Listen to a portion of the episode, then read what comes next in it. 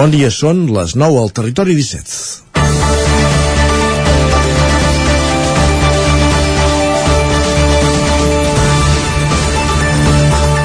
Érem dues nenes, es va guanyar la nostra confiança i tot seguit van arribar els abusos sexuals. Així comença el relat que publica avui el 9-9 en la seva edició d'Osona i el Ripollès sobre els abusos que va començar a patir quan tenia 14 anys la bigatana Susana Vives. Després del divorci i la mort del pare, a casa seva hi va entrar una nova figura masculina. La mare, infermera de professió, marxava de matinada cap a treballar i era en aquest moment quan el padrastre es convertia en padrasta. Vives explica que va suportar com va poder els abusos fins als 19 anys, quan va veure el fet de marxar de casa com a única sortida. No ho va arribar a denunciar mai, ni explicar-ho a la mare. El padrastre els feia xantatge emocional. Ara, 30 anys després, ha fet el pas i ho ha fet públic. Per què ara? Vives respon. Doncs per si puc ajudar alguna persona que estigui passant el mateix. Que ho expliqui. Que així sigui. Benvinguts al Territori 17. Aquest divendres 28 d'octubre, la sintonia de Ràdio Cardedeu, la veu de Sant Joan, Ona Codinenca, Ràdio Vic, el 9 FM i el 9 TV. Territori 17, amb Isaac Moreno i Jordi Sunyer.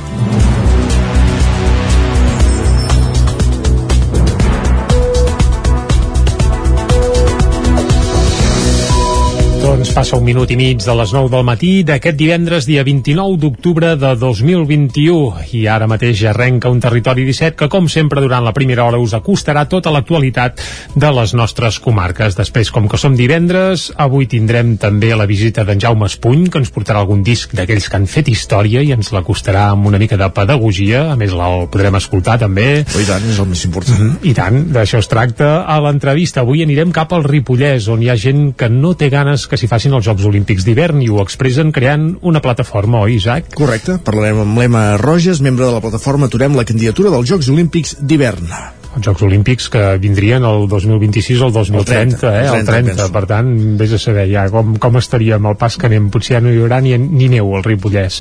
Però vaja, més coses. Tindrem com sempre piulades a dos quarts d'onze en punt a l'equador del territori 17, anirem a la taula de redacció, repassarem l'agenda esportiva per aquest cap de setmana pels equips del nostre territori, a més a més passarem per la R3, a la Folklent també, avui des de la veu de Sant Joan. I avui formatges, altre cop, continuant mm continuant la tendència inicial de la setmana passada i de fet parlarem amb una altra de les formatgeries premiades a la Fira de, de Sant Armengol de la Seu d'Urgell, en aquest cas el Mas Lledret de, de les Lloses. Fins allà s'hi ha desplaçat en Gaspar Terrida i parlarem amb les, amb les germanes Puigcorbent.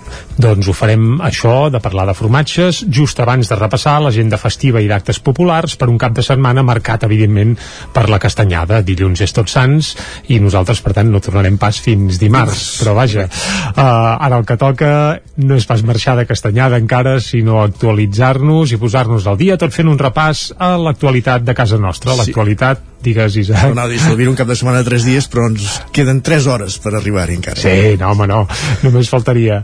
doncs va, tres hores per endavant, i ara el que toca és acostar-vos l'actualitat de les nostres comarques, les comarques del Ripollès, Osona, el Moianès i el Vallès Oriental.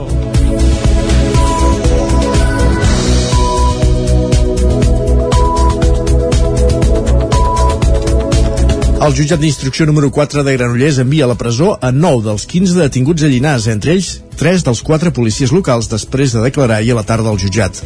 Núria Lázaro, de Ràdio Televisió de Cardedeu. Els acusa de col·laborar amb una organització dedicada al tràfic de marihuana i al blanqueig de capitals. Segons l'últim balanç publicat pels Mossos, s'han realitzat 15 detencions, 32 escorcolls i s'ha intervingut marihuana amb més de 100.000 euros i diverses armes de foc. El jutjat d'instrucció número 4 de Granollers ha enviat a presó provisional comunicada i sense fiança a 9 dels 15 detinguts amb una causa oberta per organització criminal, suborn, tortura, salut pública, falsedat documental i blanqueig de capital. Dels quatre policies detinguts, només un ha quedat en llibertat amb càrrecs per un delicte de robatori amb força. Entre els quatre policies detinguts es troba un caporal al qual se l'acusa d'oferir presumptament locals i seguretat als traficants a canvi de diners. Segons han informat fons policials, entre els agents detinguts hi ha un germà del caporal que es dedicava a fer tasques de jardineria i manteniment dels diversos locals. La investigació policial es va iniciar l'any 2020, després que el 2019 un tiroteig prop de Llinars on un agent va quedar ferit activés totes les alarmes. L'alcalde de Llenes del Vallès, Martí Pujol i Casals, va assegurar el passat dimarts trobar-se sorpresa amb la situació, tot i que veïns del poble li havien fet arribar els rumors. La seva resposta era que sense proves no podia fer-hi res legalment. Ara ja ha anunciat que apartarà de sou i feina els acusats. Va afegir també que farà per cobrir les baixes al cos el més ràpid possible. El Consell Comarcal d'Osona ha aprovat definitivament el pla director de vies ciclistes a la plana de Vic. També ha anunciat que el servei d'aigua en baixa podria iniciar-se durant el pròxim mes de febrer. Totes les qüestions de l'ordre del dia es van aprovar per unanimitat. També hi van votar a favor, doncs, els nous consellers comarcals que aquest dimecres van prendre possessió del càrrec. I aquests nous consellers són Albert Mercè, Carla Ferrer i Jordi Vistós pel grup d'Esquerra Republicana i Arnau Rovira pel grup de Junts per Catalunya. Tots ells van prendre possessió del càrrec en la sessió de dimecres celebrada de nou a la sala de plens del Consell. El ple també va acceptar la renúncia del conseller Josep Maria Freixanet d'Esquerra Republicana, que serà substituït en la següent sessió per Montse Mas. Els nous membres de l'ENS van votar a favor de totes les qüestions de l'ordre del dia. L'atorgament de 26.000 euros de subvenció a la Fundació Universitària Balmes, Universitat de Vic pel projecte Enxaneta, o l'aprovació definitiva del Pla Director de Vies Ciclistes Interurbanes de la Plana de Vic, incorporant 20 de les 23 al·legacions que s'havien presentat. Els pregs i preguntes, el socialista Toni Poyato va demanar sobre possibles canvis de sistema de gestió de residus, aprofitant el nou contracte que s'està treballant, i també sobre la situació del servei d'aigua en baixa que sembla que estaria llest al febrer de l'any que ve. La pròxima sessió plenària serà el dia 15 de desembre i el 2022 els plens del Consell Comarcal d'Osona es celebraran els mesos senars i no pas els parells com fins ara. Un centenar de persones es van aplegar ahir al migdia en una acció organitzada per Càritas en el marc del Dia de les Persones Sense Llar.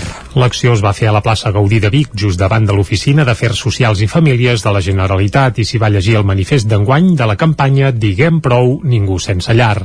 L'acte, organitzat per Càritas, va rebre l'adhesió de la PA d'Osona, Òmnium Cultural, l'Associació Tapís i el Casal Claret, i va plegar un centenar de persones amb un clam comú. Ho explica la directora de Càritas Diocesana de Vic, Núria Callís. I prou que ningú es quedi sense llar perquè davant tota la problemàtica que hi ha de tantes persones que viuen al carrer hem de, pensem que aquest acte pot ser un, un toc d'atenció i, una, i és una reivindicació de tot el que volem que no hauria, pensem que no hauria de passar la campanya Ningú sense llar es fa a tot l'Estat i aquest any té lema Sense sortida, perduts en un sistema de protecció social que no protegeix.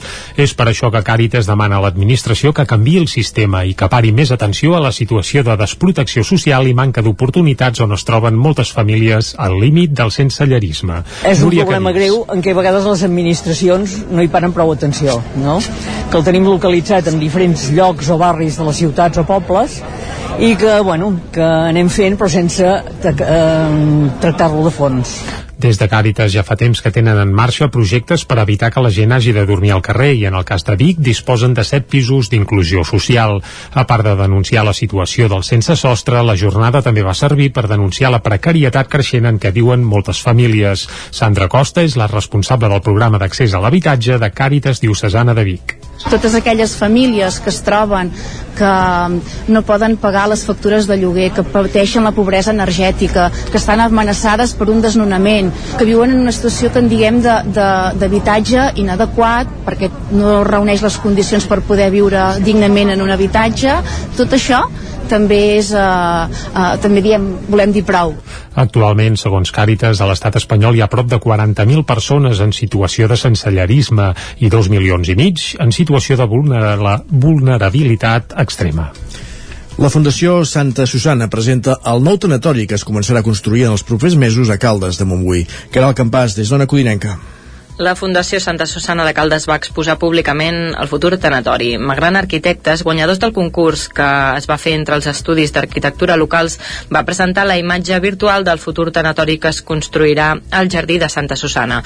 Un dels membres d'aquest estudi calderí, Ivan Riba, va exposar les línies mestres en l'acte de presentació aquesta setmana elements clau d'aquest eh, tanatori, eh, les premisses principals que ens marquen el projecte seria la ubicació que és al, al davant de la riera, la qual és al final, al, a la part baixa de la topografia del municipi i el planejament que ens obliga a soterrar. Agafem aquests elements, els aprofitem a la nostra banda i fem eh, aquest element que per nosaltres és el camí, no? és el camí del municipi i el rematem amb el camí d'entrada com a element principal al tanatori. Si tenim una bona entrada tindrem un bon tanatori. El tanatori es troba en fase de redacció del projecte d'execució i està pendent d'assolir la via de finançament per la qual s'està prioritzant que provingui de la banca ètica.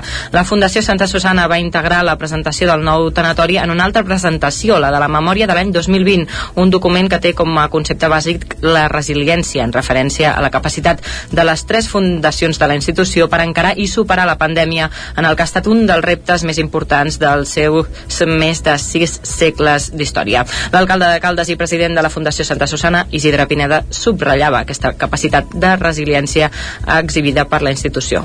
Després de més de sis segles de persistència de la Fundació Santa Susana, hem de confessar que no ens esperàvem una situació com la pandèmia i la memòria del 2020 que avui hem presentat evidentment està absolutament marcada per l'esclat de la Covid-19 i per l'esclat de la pandèmia.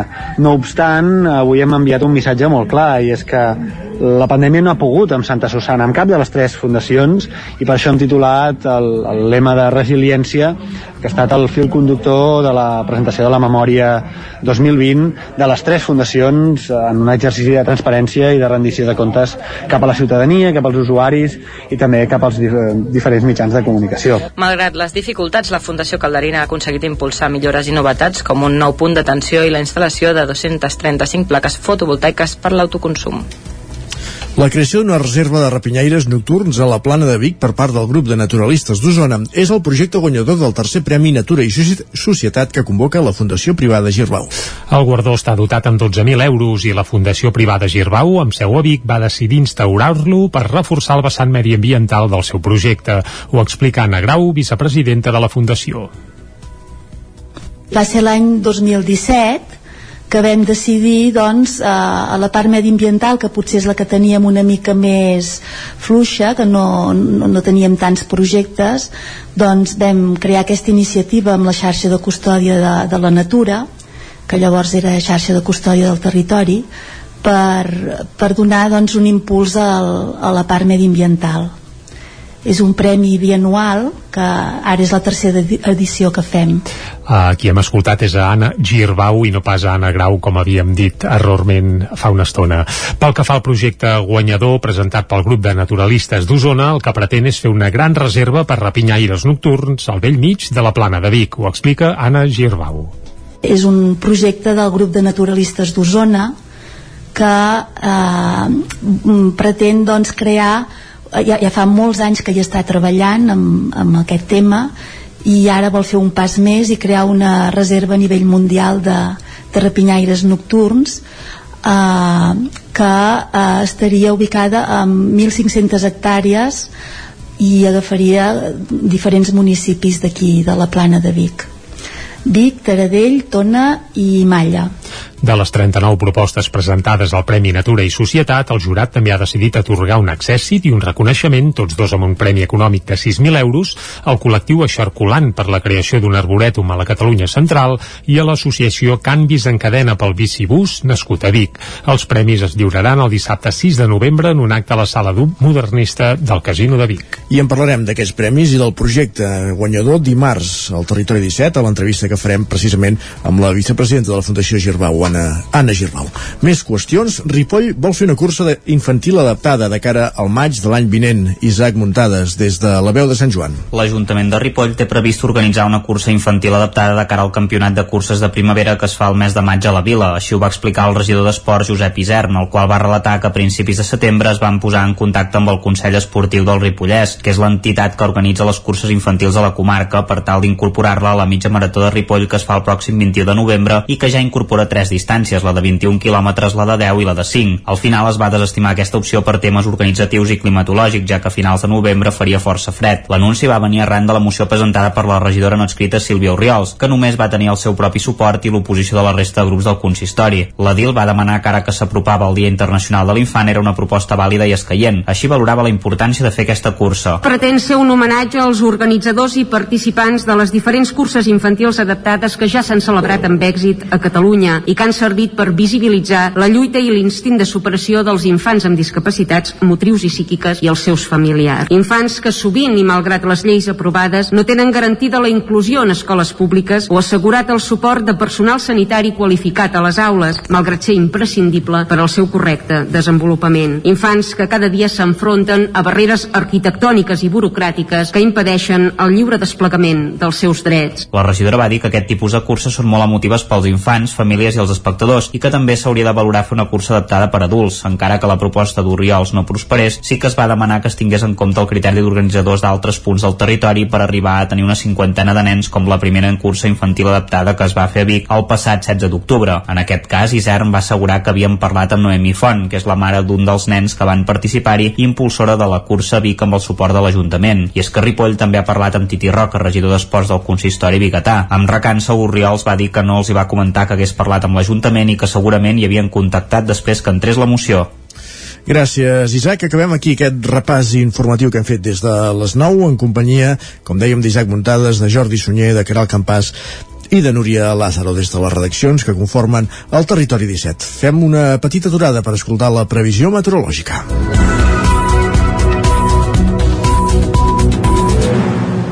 I per això saludem tot seguit en Pep Acosta.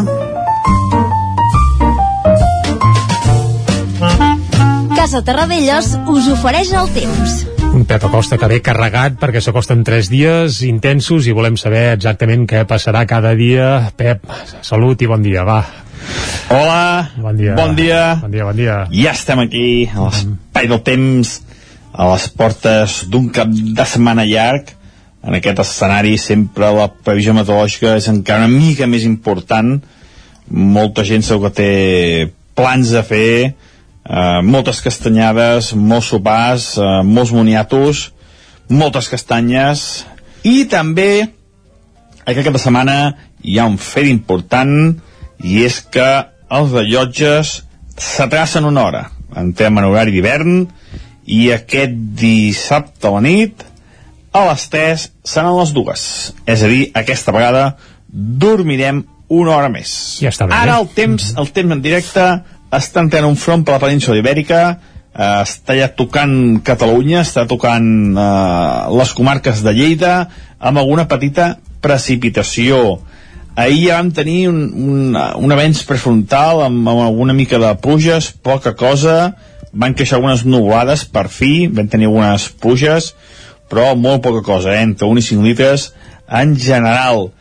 Uh, aquest front es va, es va costant, va creurar, creurar tot el país avui, però les nostres comarques poca incidència tindrà.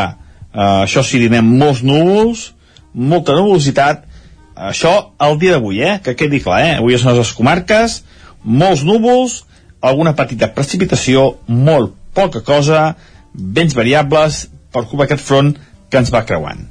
Demà, demà serà el dia més inestable de tot el cap de setmana. Uh, ens creurà un altre front, un altre front atlàntic, per fi, eh, van passar aquests fronts atlàntics, demà serà més actiu i ens deixarà més pluja. Jo crec que on plogui més deixarà uns 20 litres, 20-25 litres, on plogui menys, entre 5 i 10. Però sigui com sigui, crec que a les nostres quatre comarques de totes plourà que és una molt bona notícia i una notícia que no es produïa feia molts, molts dies. Les temperatures una mica més baixes, no farà fred ni molt menys, no farà fred ni molt menys, i la, la cota de neu molt amunt, a 2.700-2.800 metres. Només als cims del Pirineu hi haurà nevada, que serà una mica abundant, aquests cims del Pirineu, que pot nevar entre 10 i 20 centímetres, eh? però més als cims, eh? de, tot, de, de, de les muntanyes.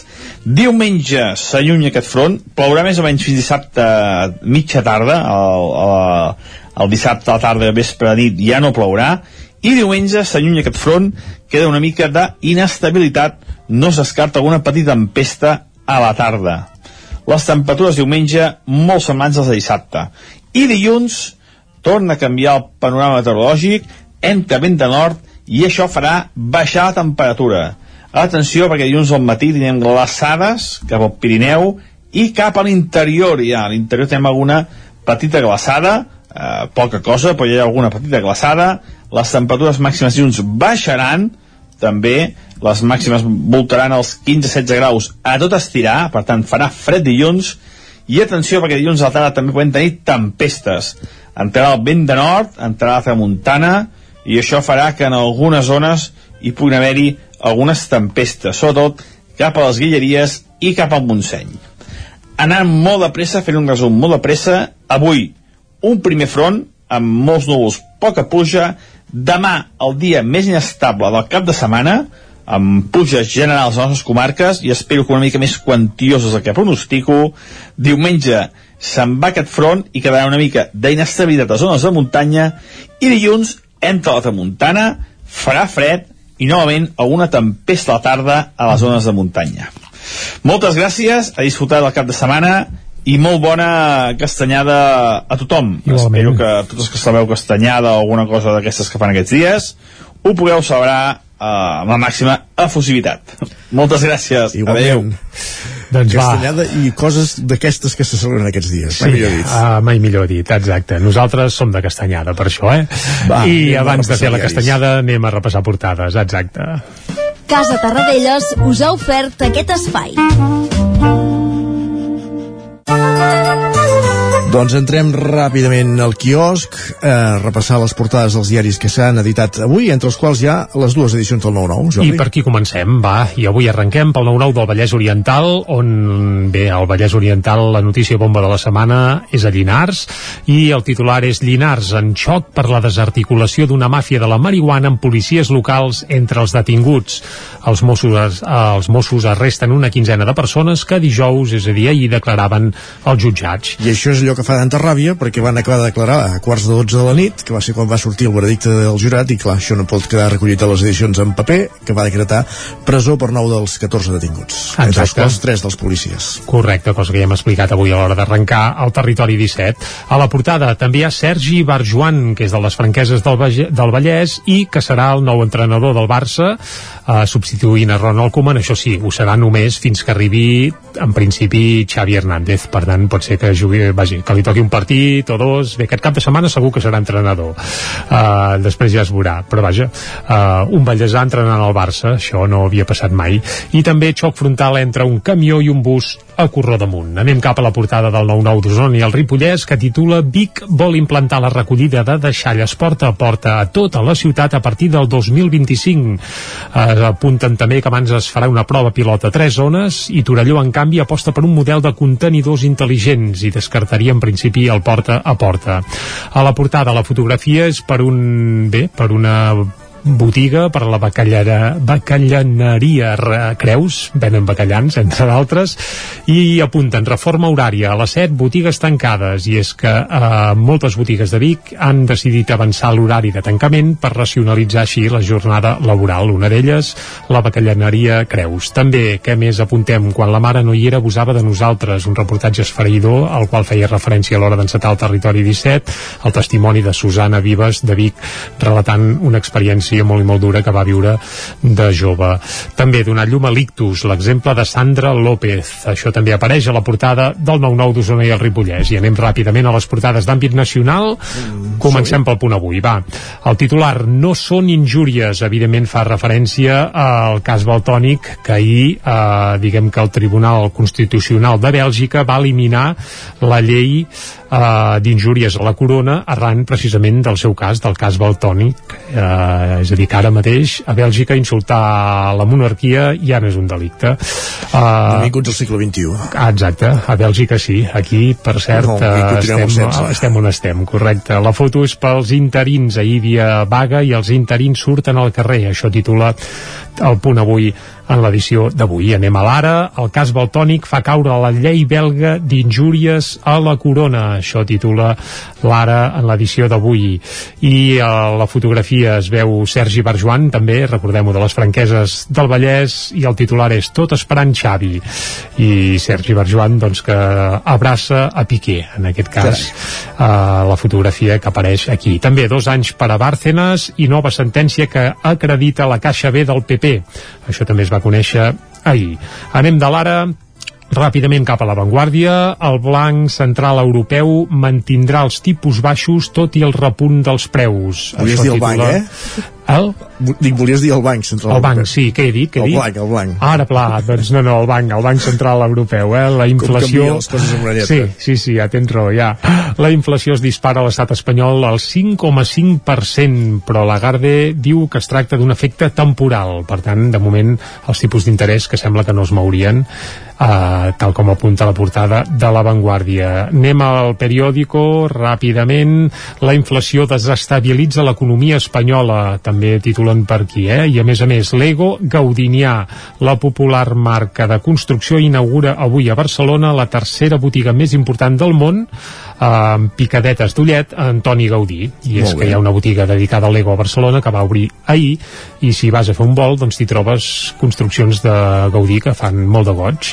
Anem a les portades... Amb el TGV, anem cap a Madrid. Correcte, anem amb TGV o, o sense, eh? però vaja, va, el País, Bárcenas i el PP condemnats per reformar la seu amb la Caixa B. Aquest és el titular que apareix al País. Els negocis que qüestionen el candidat del PP pel Constitucional, un reportatge on, bé, on també suquen eh, cullerada, vaja, poso un cullerada amb, amb com està anant tot, tot plegat eh, Bé, eh, anem, anem al gra perquè ens, sí. ens perdem una mica. Va, anem a l'ABC, han fet un gràfic d'aquells que fan ells a vegades.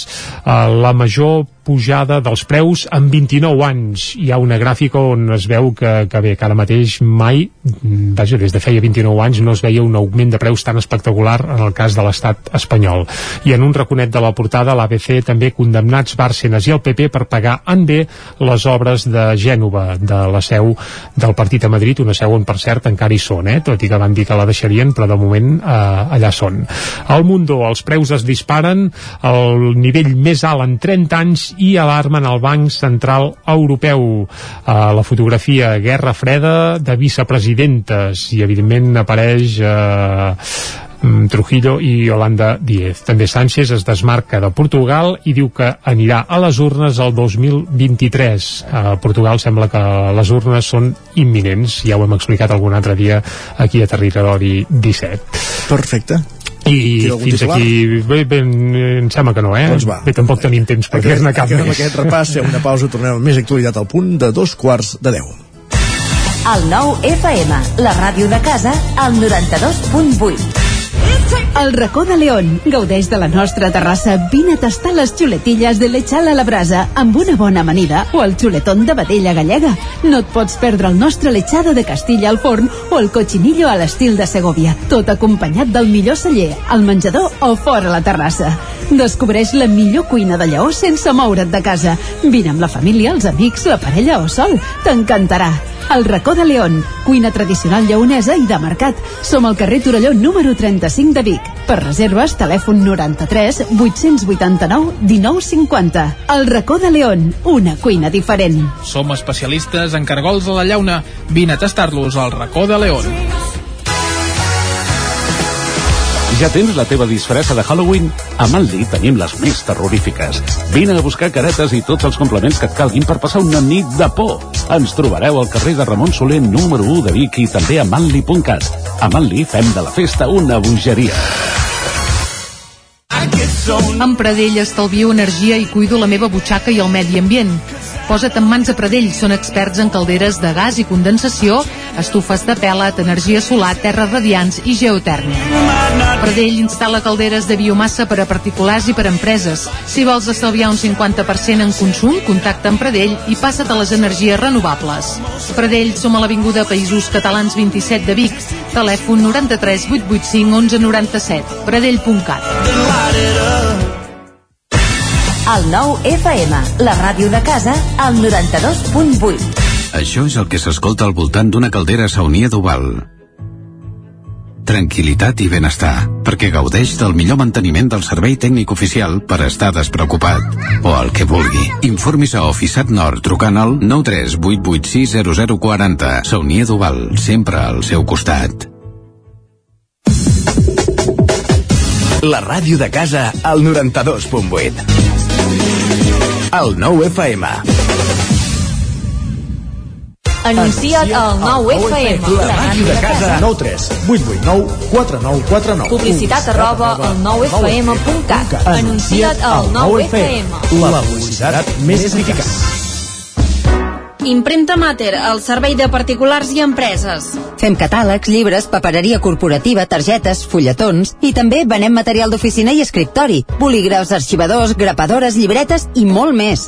Mater Impressors des de 1957. Impremta Mater. Ens trobaràs a la carretera de Sant Hipòlit, número 23 de Vic i a la impremtamater.com. El nou FM, el nou FM, el nou FM, el nou FM. Són dos quarts de deu. Territori 17, amb Isaac Moreno i Jordi Sunyer.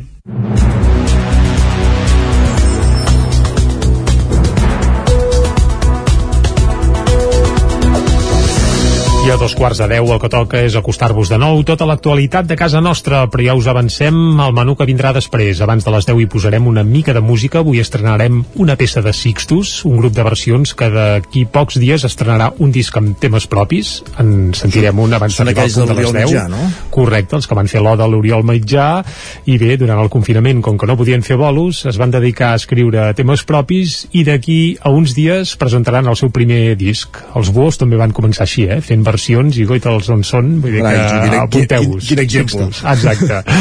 Bé, més coses, va. A les 10, més informació. Després de l'entrevista parlarem amb Emma Rojas. Qui és Emma Rojas? Doncs és membre de la plataforma Aturem la candidatura dels Jocs Olímpics d'hivern des del Ripollès. Parlarem amb l'Isaac Montades i Sant Joan per, per conèixer doncs, l'inquietud d'aquesta plataforma que suposa eh, la candidatura dels Jocs Olímpics d'hivern. Molt bé, seguint per ordre cronològic a dos quarts d'onze anirem a piulades, repassarem les portades del 99.cat, taula de redacció, agenda esportiva del cap de setmana pels equips de casa nostra, a les 11 act- eh, ens actualitzarem de nou repassant altra vegada l'actualitat i després ens visitaran Jaume Espuny, que els Correcte. divendres què ve fer aquí, Isaac? Porta música, porta un disc de la seva àmplia discoteca de clàssics musicals i el comentem i l'escoltem. I a la traca final del Territori 17 d'avui anirem a la R3, parlarem de formatges a la Falkland, formatges de... De Mas Lledrer, de les Lloses. i acabarem fent un repàs a l'agenda festiva i d'actes populars per un cap de setmana marcat per la castanyada. Fet tot aquest apunt i aquest repàs, ara sí que toca acostar-vos de nou l'actualitat de casa nostra, l'actualitat de les comarques del Vallès Oriental, el Moianès, Osona i el Ripollès.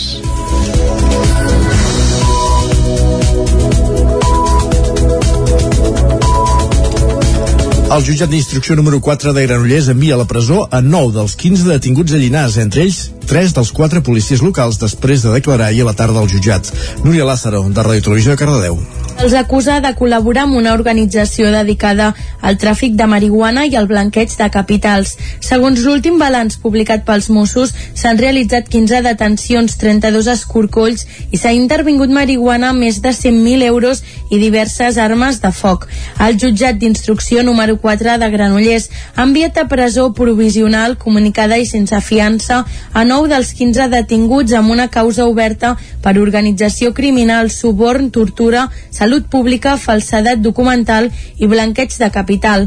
Dels quatre policies detinguts, només un ha quedat en llibertat amb càrrecs per un delicte de robatori amb força. Entre els quatre policies detinguts es troba un caporal al qual se l'acusa d'oferir presumptament locals i seguretat als traficants a canvi de diners. Segons han informat fons policials, entre els agents detinguts hi ha un germà del caporal que es dedicava a fer tasques de jardineria i manteniment dels diversos locals. La investigació policial es va iniciar l'any 2020, després que el 2019 un tiroteig prop de Llinars on un agent va quedar ferit activés totes les alarmes. L'alcalde de Llinars del Vallès, Martí Pujol i Casals, va assegurar el passat dimarts trobar-se sorpresa amb la situació, tot i que veïns del poble li havien fet arribar els rumors. La seva resposta era que sense proves no podia fer-hi res legalment. Ara ja ha anunciat que apartarà de sou i feina als acusats. Va afegir també que farà per cobrir les baixes al cos el més ràpid possible. El Consell Comarcal d'Osona ha aprovat definitivament el pla director de vies ciclistes a la plana de Vic. També ha anunciat que el servei d'aigua en baixa podria iniciar-se durant el pròxim mes de febrer.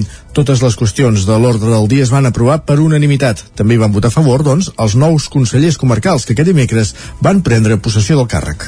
I aquests nous consellers són Albert Mercè, Carla Ferrer i Jordi Vistós pel grup d'Esquerra Republicana i Arnau Rovira pel grup de Junts per Catalunya. Tots ells van prendre possessió del càrrec en la sessió de dimecres celebrada de nou a la sala de plens del Consell. El ple també va acceptar la renúncia del conseller Josep Maria Freixanet d'Esquerra Republicana, que serà substituït en la següent sessió per Montse Mas. Els nous membres de l'ENS van votar a favor de totes les qüestions de l'ordre del dia. L'atorgament de 26.000 euros de subvenció a la Fundació Universitària Balmes, Universitat de Vic pel projecte Enxaneta, o l'aprovació definitiva del Pla Director de Vies Ciclistes Interurbanes a la Plana de Vic, incorporant 20 de les 23 al·legacions que s'havien presentat. Als pregs i preguntes, el socialista Toni Poyato va demanar sobre possibles canvis de sistema de gestió de residus, aprofitant el nou contracte que s'està treballant, i també sobre la situació del servei d'aigua en baixa que sembla que estaria llest al febrer de l'any que ve. La pròxima sessió plenària serà el dia 15 de desembre i el 2022 els plens del Consell Comarcal d'Osona es celebraran els mesos senars i no pas els parells com fins ara. Un centenar de persones es van aplegar ahir al migdia en una acció organitzada per Càritas en el marc del Dia de les Persones Sense Llar. L'acció es va fer a la plaça Gaudí de Vic, just davant de l'Oficina d'Afers Socials i Famílies de la Generalitat i s'hi va llegir el manifest d'enguany de la campanya Diguem prou, ningú sense llar. L'acte organitzat per Càritas va rebre l'adhesió de la PA d'Osona, Òmnium Cultural, l'Associació Tapís i el Casal Claret i va plegar un centenar de persones amb un clam comú. Ho explica la directora de Càritas Diocesana de Vic, Núria Callís. I prou que ningú quedi sense llar. Perquè davant tota la problemàtica que hi ha de tantes persones que viuen al carrer hem de, pensem que aquest acte pot ser un, un toc d'atenció i, una, i és una reivindicació de tot el que volem que no hauria, pensem que no hauria de passar. La campanya Ningú sense llar es fa a tot l'Estat i aquest any té lema sense sortida, perduts en un sistema de protecció social que no protegeix. És per això que Càritas demana a l'administració que canvi el sistema i que pari més atenció a la situació de desprotecció social i manca d'oportunitats on es troben moltes famílies al límit del sensellerisme. És un Núria problema Carís. greu en què a vegades les administracions no hi paren prou atenció, no?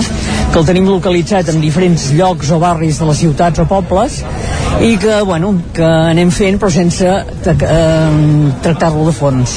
Des de Càritas ja fa temps que tenen en marxa projectes per evitar que la gent hagi de dormir al carrer i en el cas de Vic disposen de set pisos d'inclusió social.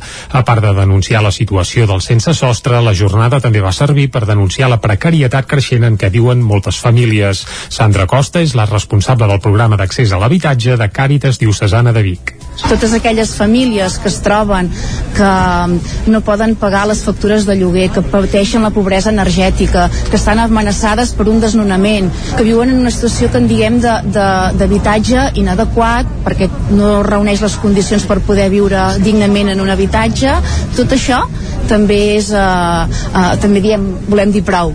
Actualment, segons Càritas, a l'estat espanyol hi ha prop de 40.000 persones en situació de sensellerisme i 2 milions i mig en situació de vulnerabilitat extrema. La Fundació Santa Susana presenta el nou tanatori que es començarà a construir en els propers mesos a Caldes de Montbui. Caral Campàs, des d'Ona Codinenca. La Fundació Santa Susana de Caldes va exposar públicament el futur tanatori. Magran Arquitectes, guanyadors del concurs que es va fer entre els estudis d'arquitectura locals, va presentar la imatge virtual del futur tanatori que es construirà al Jardí de Santa Susana. Un dels membres d'aquest estudi calderí, Ivan Riba, va exposar les línies mestres en l'acte de presentació aquesta setmana elements clau d'aquest eh, tanatori, eh, les premisses principals que ens marquen el projecte seria la ubicació que és al, al davant de la riera, la qual és al final, al, a la part baixa de la topografia del municipi i el planejament que ens obliga a soterrar. Agafem aquests elements, els aprofitem a la nostra banda i fem eh, aquest element que per nosaltres és el camí, no? és el camí del municipi i el rematem amb el camí d'entrada com a element principal al tanatori. Si tenim una bona entrada tindrem un bon tanatori. El tanatori es troba en fase de redacció del projecte d'execució i està pendent d'assolir la via de finançament per la qual s'està prioritzant que provingui de la banca ètica. La Fundació Santa Susana va integrar la presentació del nou tanatori en una altra presentació, la de la memòria de l'any 2020, un document que té com a concepte bàsic la resiliència, en referència a la capacitat de les tres fundacions de la institució per encarar i superar la pandèmia en el que ha estat un dels reptes més importants dels seus més de sis segles d'història. L'alcalde Alcalde de Caldes i president de la Fundació Santa Susana, Isidre Pineda, subratllava aquesta capacitat de resiliència exhibida per la institució. Després de més de sis segles de persistència de la Fundació Santa Susana, hem de confessar que no ens esperàvem una situació com la pandèmia i la memòria del 2020 que avui hem presentat, evidentment, està absolutament marcada per l'esclat de la Covid-19 i per l'esclat de la pandèmia. No obstant, avui hem enviat un missatge molt clar i és que la pandèmia no ha pogut amb Santa Susana, amb cap de les tres fundacions, i per això hem titulat el, el lema de resiliència, que ha estat el fil conductor de la presentació de la memòria 2020 de les tres fundacions en un exercici de transparència i de rendició de comptes cap a la ciutadania, cap als usuaris i també cap als dif diferents mitjans de comunicació. Malgrat les dificultats, la Fundació Calderina ha aconseguit impulsar millores i novetats com un nou punt d'atenció i la instal·lació de 235 plaques fotovoltaiques per l'autoconsum.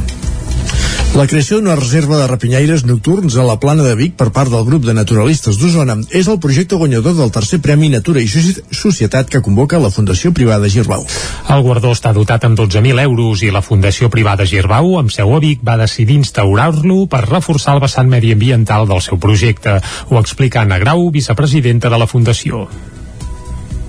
Va ser l'any 2017 que vam decidir doncs, a, a la part mediambiental que potser és la que teníem una mica més fluixa que no, no, no teníem tants projectes doncs vam crear aquesta iniciativa amb la xarxa de custòdia de, de la natura que llavors era xarxa de custòdia del territori per, per donar doncs, un impuls al, a la part mediambiental és un premi bianual que ara és la tercera edició que fem. Uh, qui hem escoltat és a Anna Girbau i no pas a Anna Grau, com havíem dit errorment fa una estona. Pel que fa al projecte guanyador presentat pel grup de naturalistes d'Osona, el que pretén és fer una gran reserva per rapinyaires nocturns al vell mig de la plana de Vic. Ho explica Anna Girbau.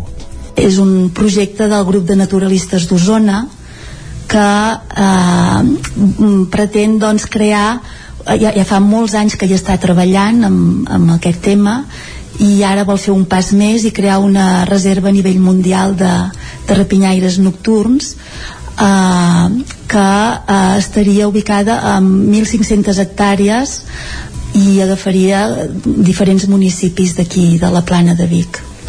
Vic, Taradell, Tona i Malla. De les 39 propostes presentades al Premi Natura i Societat, el jurat també ha decidit atorgar un accèssit i un reconeixement, tots dos amb un premi econòmic de 6.000 euros, al col·lectiu Eixarculant per la creació d'un arborètum a la Catalunya Central i a l'associació Canvis en cadena pel bicibús nascut a Vic. Els premis es lliuraran el dissabte 6 de novembre en un acte a la sala d'un modernista del Casino de Vic. I en parlarem d'aquests premis i del projecte guanyador dimarts al Territori 17 a l'entrevista que farem precisament amb la vicepresidenta de la Fundació Girbau, Anna, Anna Girbau.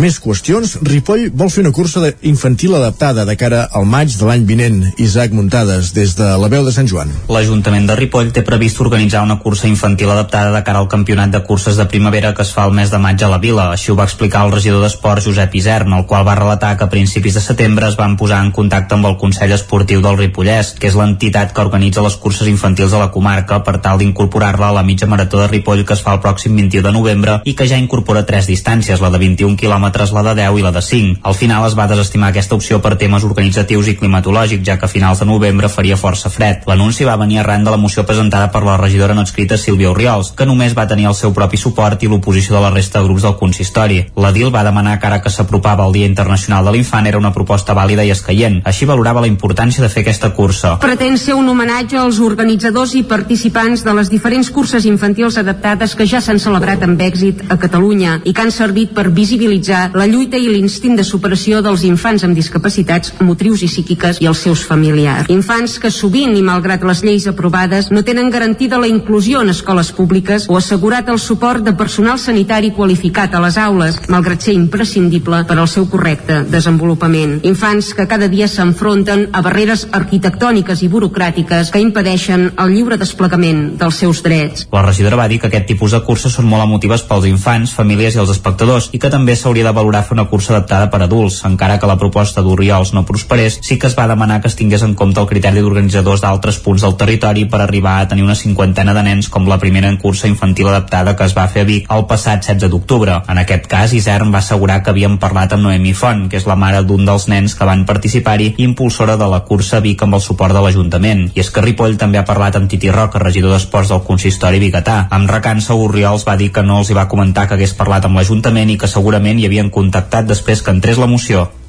Gràcies, Isaac. Acabem aquí aquest repàs informatiu que hem fet des de les 9 en companyia, com dèiem, d'Isaac Muntades, de Jordi Sunyer, de Caral Campàs i de Núria Lázaro des de les redaccions que conformen el Territori 17. Fem una petita aturada per escoltar la previsió meteorològica.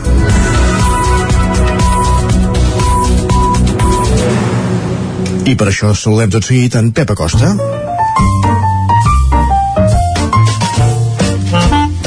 Casa Terradellos us ofereix el temps. Un Pep Acosta que ve carregat perquè s'acosten tres dies intensos i volem saber exactament què passarà cada dia. Pep, salut i bon dia, va.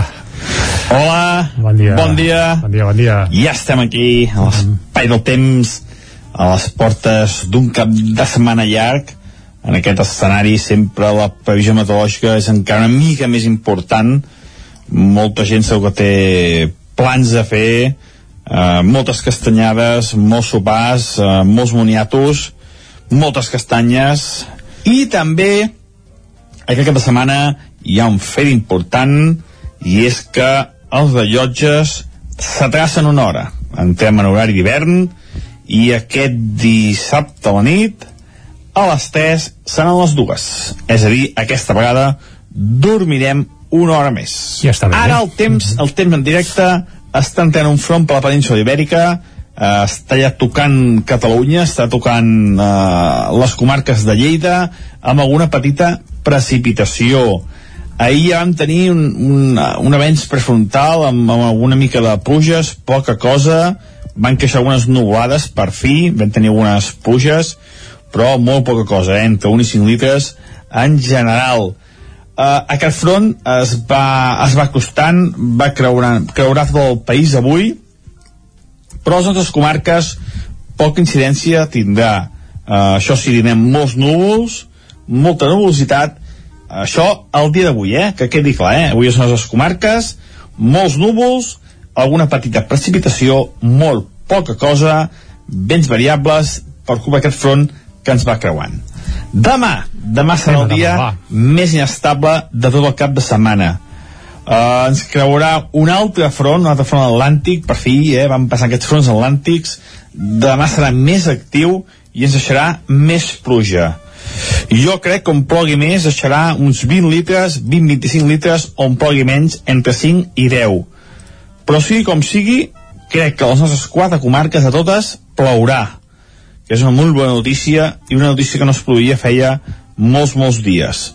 Les temperatures una mica més baixes, no farà fred ni molt menys, no farà fred ni molt menys, i la, la cota de neu molt amunt, a 2.600-2.800 metres. Només als cims del Pirineu hi haurà nevada, que serà una mica abundant aquests cims del Pirineu, que pot nevar entre 10 i 20 centímetres, eh? però més els cims eh? de, tot, de, de, de les muntanyes. Diumenge s'allunya aquest front, plourà més o menys fins dissabte mitja tarda, el, el, el dissabte a la tarda, vespre, nit, ja no plourà, i diumenge s'allunya aquest front, queda una mica d'inestabilitat, no es descarta alguna petita tempesta a la tarda. Les temperatures diumenge molt semblants als de dissabte. I dilluns, torna a canviar el panorama meteorològic, entra vent de nord i això farà baixar la temperatura. Atenció, perquè dilluns al matí tindrem glaçades cap al Pirineu i cap a l'interior. Ja, a l'interior tenim alguna petita glaçada, eh, poca cosa, però hi ha alguna petita glaçada. Les temperatures màximes dilluns baixaran, també les màximes voltaran els 15-16 graus a tot estirar, per tant farà fred dilluns, i atenció perquè dilluns a la tarda també podem tenir tempestes entrarà el vent de nord, entrarà la tramuntana i això farà que en algunes zones hi puguin haver-hi algunes tempestes, sobretot cap a les Guilleries i cap al Montseny. Anant molt de pressa, fent un resum molt de pressa, avui un primer front amb molts núvols, poca pluja, demà el dia més inestable del cap de setmana, amb pluges generals a les nostres comarques i espero que una mica més quantioses del que pronostico. Diumenge se'n va aquest front i quedarà una mica d'inestabilitat a zones de muntanya i dilluns entra la tramuntana, farà fred i novament alguna tempesta a la tarda a les zones de muntanya. Moltes gràcies, a disfrutar del cap de setmana i molt bona castanyada a tothom. Igualment. Espero que tots els que sabeu castanyada o alguna cosa d'aquestes que fan aquests dies ho pugueu celebrar uh, amb la màxima efusivitat. Moltes gràcies. Igualment. Adéu. Doncs Castanyada va. i coses d'aquestes que se celebren aquests dies. Mai millor dit. Uh, mai millor dit, exacte. Nosaltres som de Castanyada, per això, eh? Va, I abans de fer la Castanyada anem a repassar portades, exacte. Casa Tarradellas us ha ofert aquest espai. Doncs entrem ràpidament al quiosc a repassar les portades dels diaris que s'han editat avui, entre els quals hi ha les dues edicions del 9-9, Jordi. I per aquí comencem, va. I avui arrenquem pel 9-9 del Vallès Oriental, on, bé, al Vallès Oriental la notícia bomba de la setmana és a Llinars, i el titular és Llinars en xoc per la desarticulació d'una màfia de la marihuana amb policies locals entre els detinguts. Els Mossos, els Mossos arresten una quinzena de persones que dijous, és a dir, ahir declaraven als jutjats. I això és allò que fa tanta ràbia perquè van acabar de declarar a quarts de 12 de la nit, que va ser quan va sortir el veredicte del jurat, i clar, això no pot quedar recollit a les edicions en paper, que va decretar presó per nou dels 14 detinguts. Exacte. Entre els quals 3 dels policies. Correcte, cosa que ja hem explicat avui a l'hora d'arrencar al territori 17. A la portada també hi ha Sergi Barjuan, que és de les franqueses del, Vallès, del Vallès i que serà el nou entrenador del Barça, eh, substituint a Ronald Koeman, això sí, ho serà només fins que arribi en principi Xavi Hernández, per tant pot ser que jugui, vagi, que li toqui un partit o dos, bé, aquest cap de setmana segur que serà entrenador. Uh, després ja es veurà, però vaja uh, un ballesà entrenant al Barça. Això no havia passat mai, i també xoc frontal entre un camió i un bus a Corró damunt. Anem cap a la portada del 9-9 d'Osona i el Ripollès que titula Vic vol implantar la recollida de deixalles porta a porta a tota la ciutat a partir del 2025. Uh, apunten també que abans es farà una prova pilot a tres zones i Torelló en canvi aposta per un model de contenidors intel·ligents i descartaria en principi el porta a porta. A la portada la fotografia és per un bé, per una botiga per la bacallera, bacallaneria Creus, venen bacallans, entre d'altres, i apunten reforma horària a les 7, botigues tancades, i és que eh, moltes botigues de Vic han decidit avançar l'horari de tancament per racionalitzar així la jornada laboral. Una d'elles, la bacallaneria Creus. També, què més apuntem? Quan la mare no hi era, abusava de nosaltres. Un reportatge esfereïdor al qual feia referència a l'hora d'encetar el territori 17, el testimoni de Susana Vives de Vic, relatant una experiència travessia molt i molt dura que va viure de jove.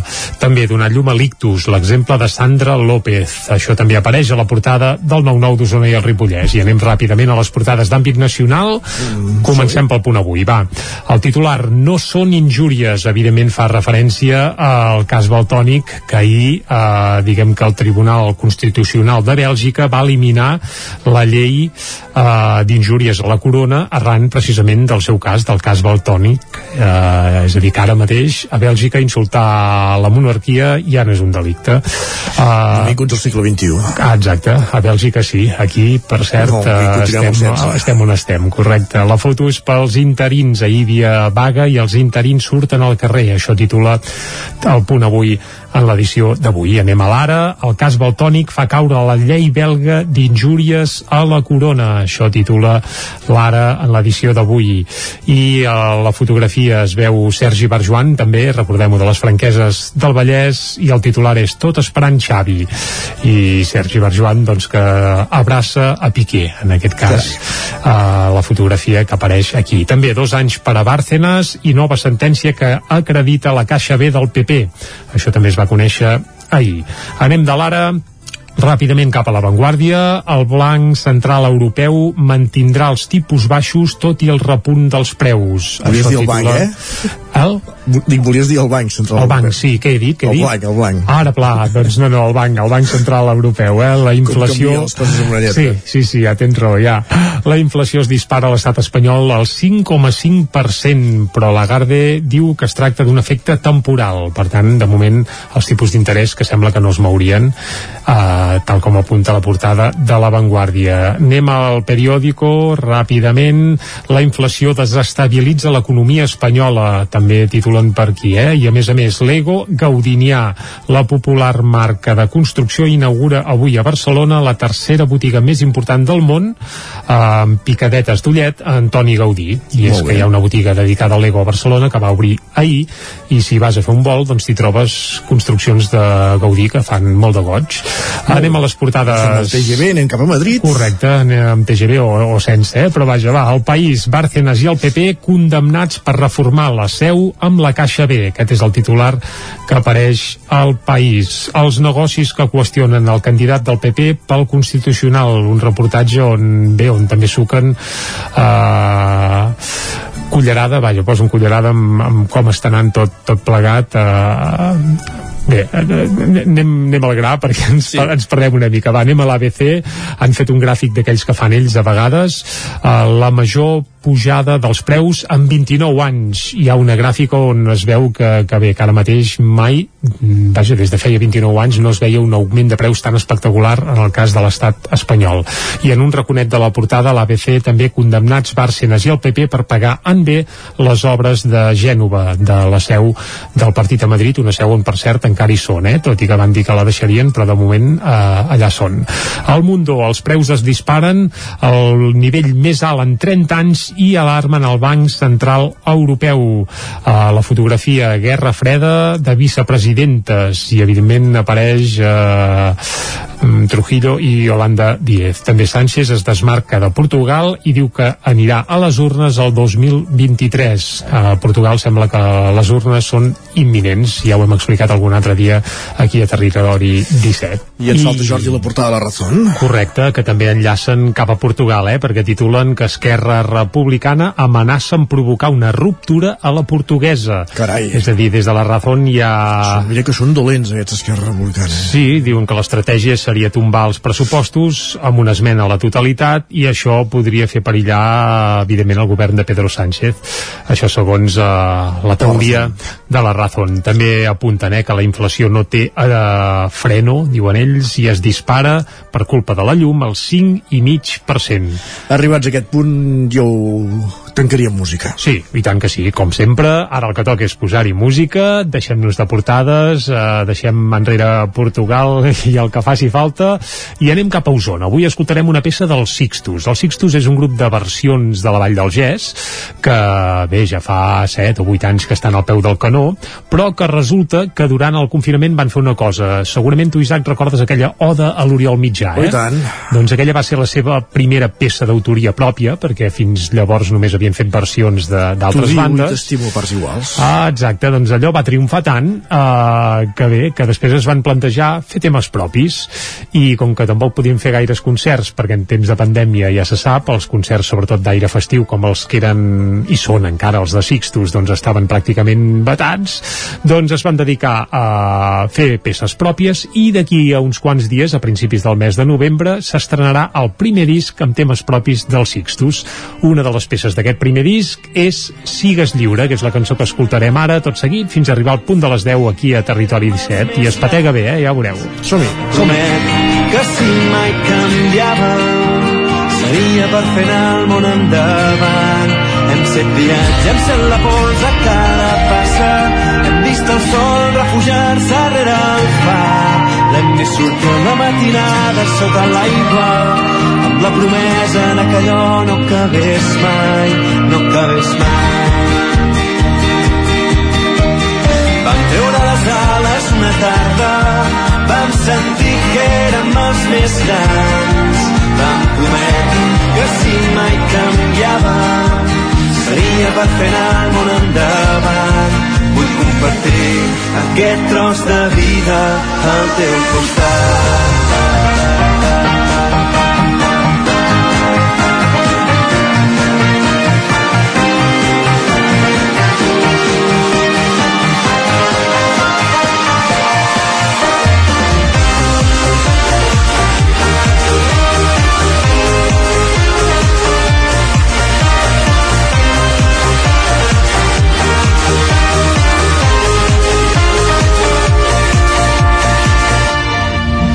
Siguis lluny, mira on t'ha portat la vida, que les nits fredes et portin a nous mars.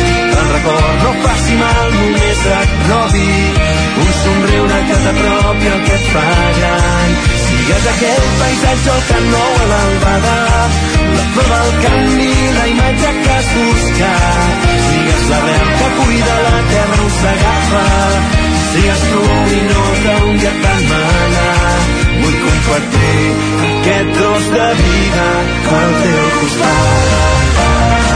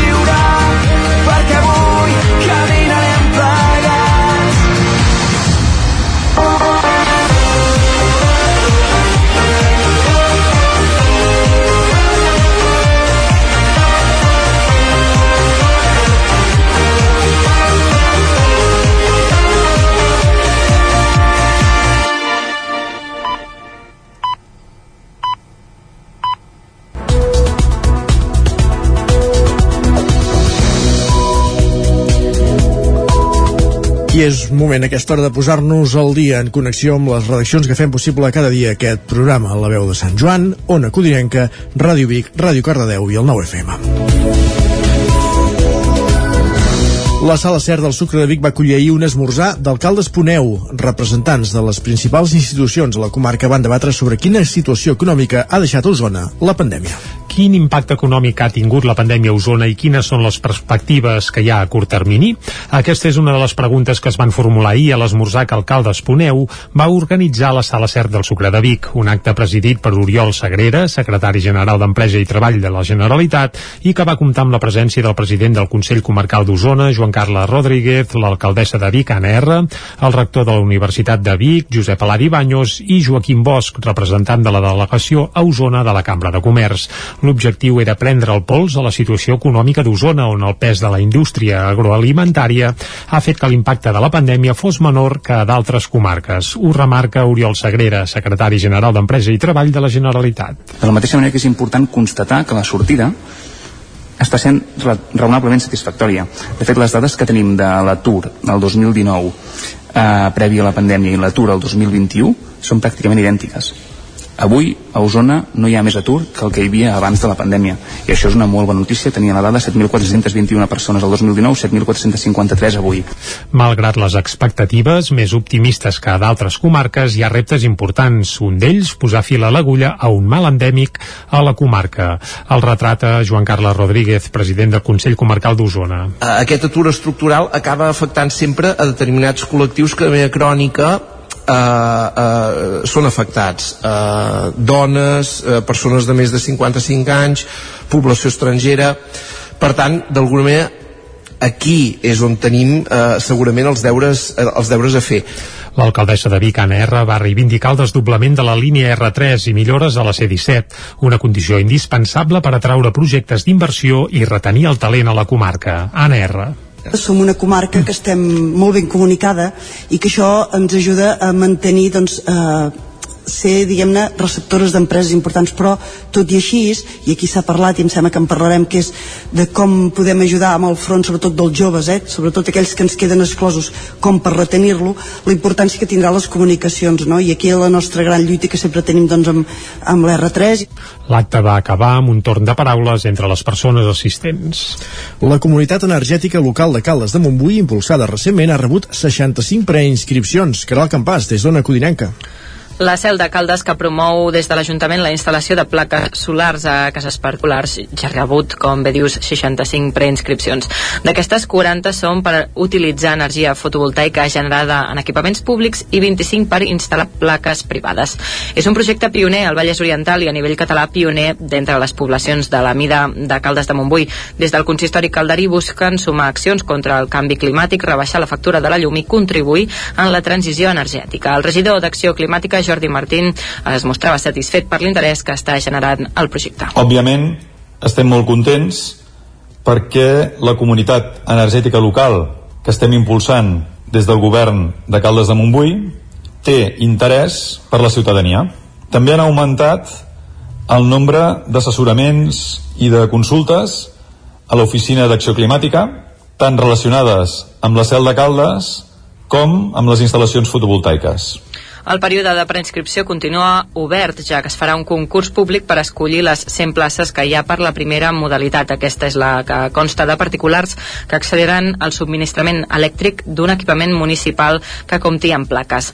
La CEL es posarà en funcionament a principis d'any. Fins al novembre es construiran quatre noves instal·lacions fotovoltaiques en equipaments municipals i s'aprovaran els documents normatius que les regularan.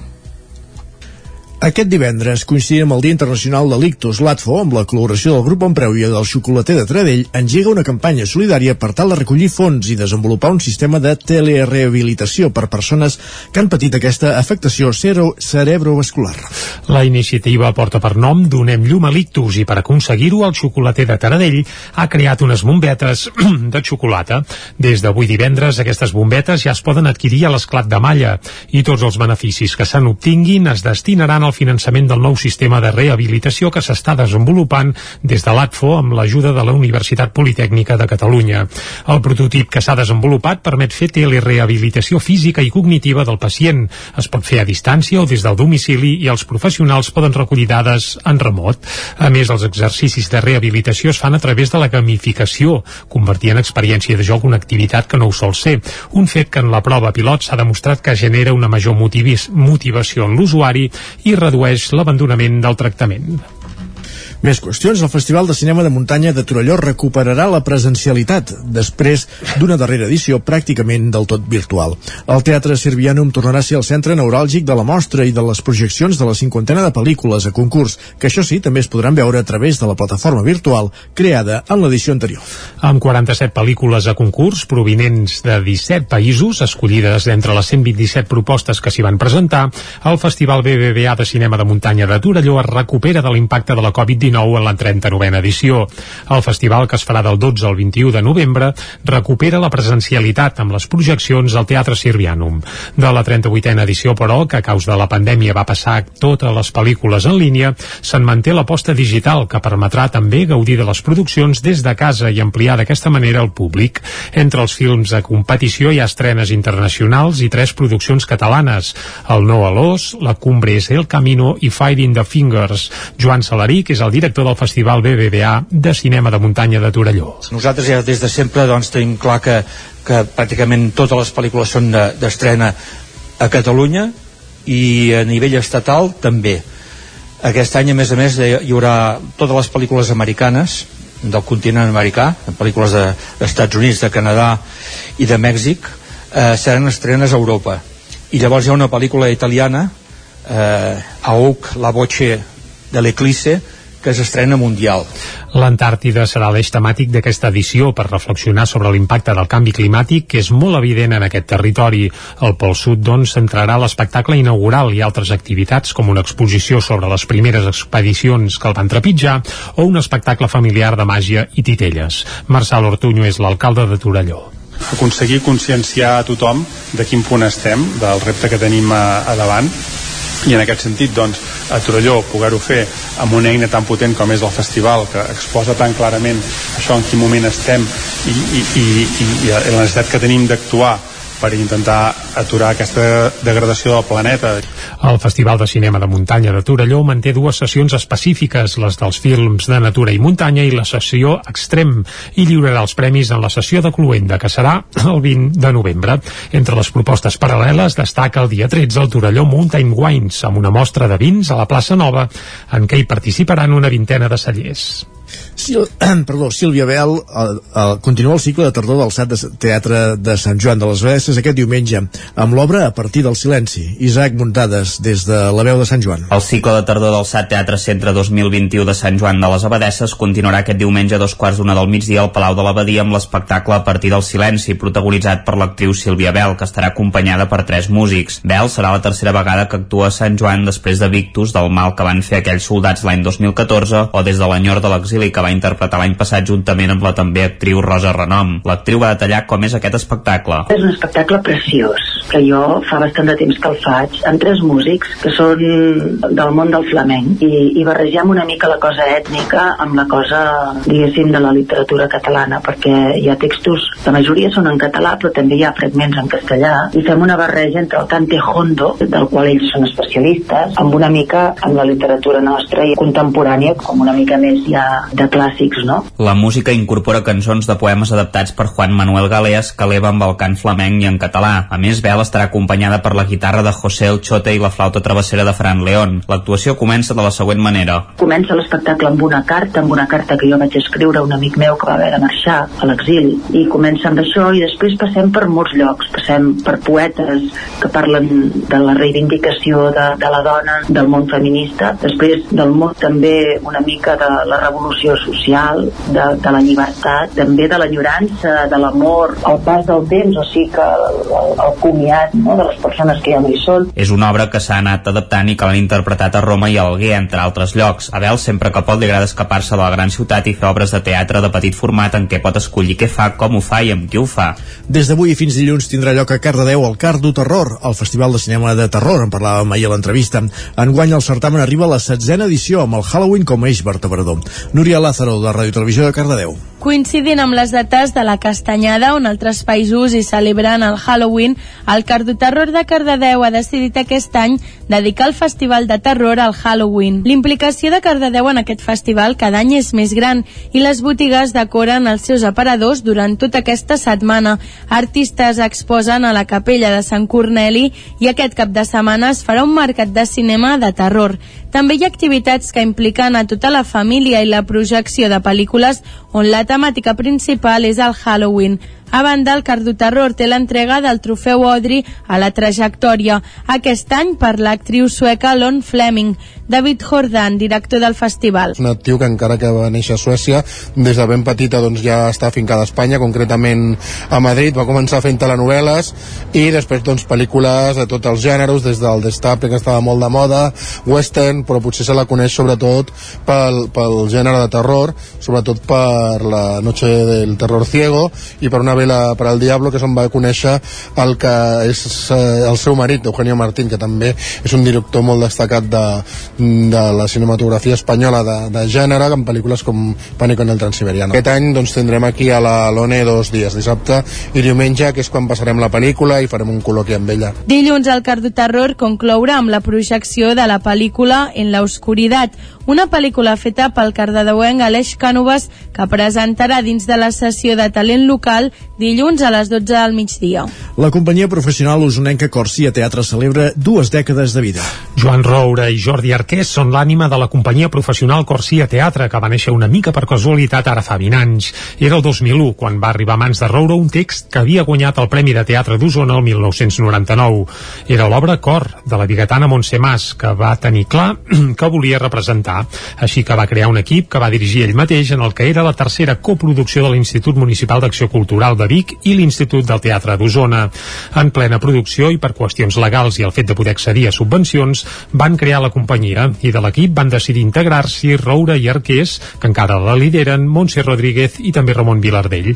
El 17 d'octubre de 2001 estrenaven el primer espectacle antic, a l'antic Teatre Atlàntida, al carrer Sant Fidel de Vic, i des de llavors n'han vingut molts més.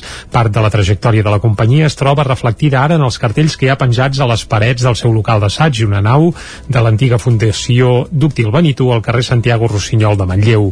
De la trajectòria de Corsia Teatre, els seus responsables parlen de dos punts d'inflexió. Un va ser quan van començar a fer gires per l'estat espanyol amb espectacles juvenils, un fet que els va donar múscul econòmic per seguir endavant. El segon va ser el casament, entre cometes, amb el Museu del Ter de Manlleu, ja que amb ells han coproduït 12 espectacles. En 20 anys la companyia ha gestat una quarantena de produccions que inclouen les 12 del Museu del Ter, 10 de teatre educatiu, de les quals n'han fet 12 en gires, o d'altres en col·laboració, per exemple, amb les corals Regina o Nàiades. Això ha fet que al llarg dels temps s'hagin vinculat a la companyia amb diferents graus prop de 200 persones. Actualment, Corsia, Corsia Teatre té en marxa quatre muntatges.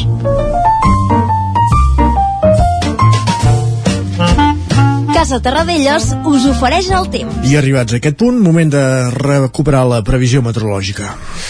I com sempre, amb en Pep Acosta. Pep, bon dia de nou, eh?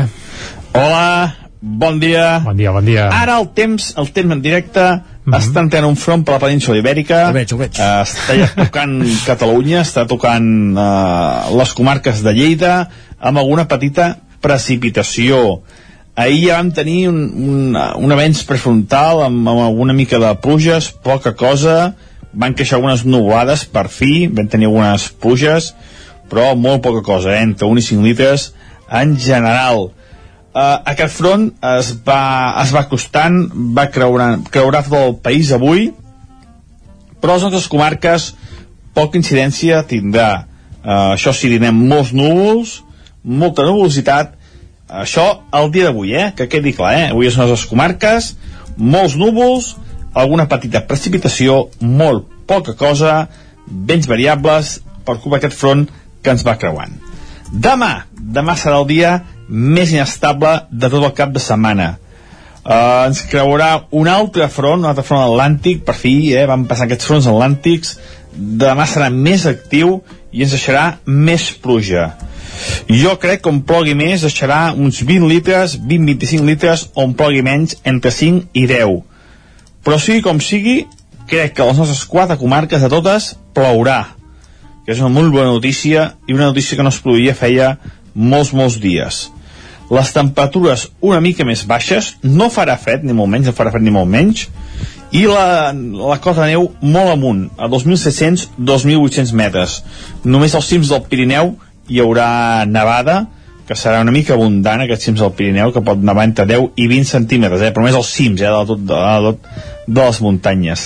Diumenge s'allunya aquest front, plourà més o menys fins dissabte mitja tarda, el, el, el dissabte a la tarda, vespre, nit, ja no plourà, i diumenge s'allunya aquest front, queda una mica d'inestabilitat, no s'escarta alguna petita tempesta a la tarda.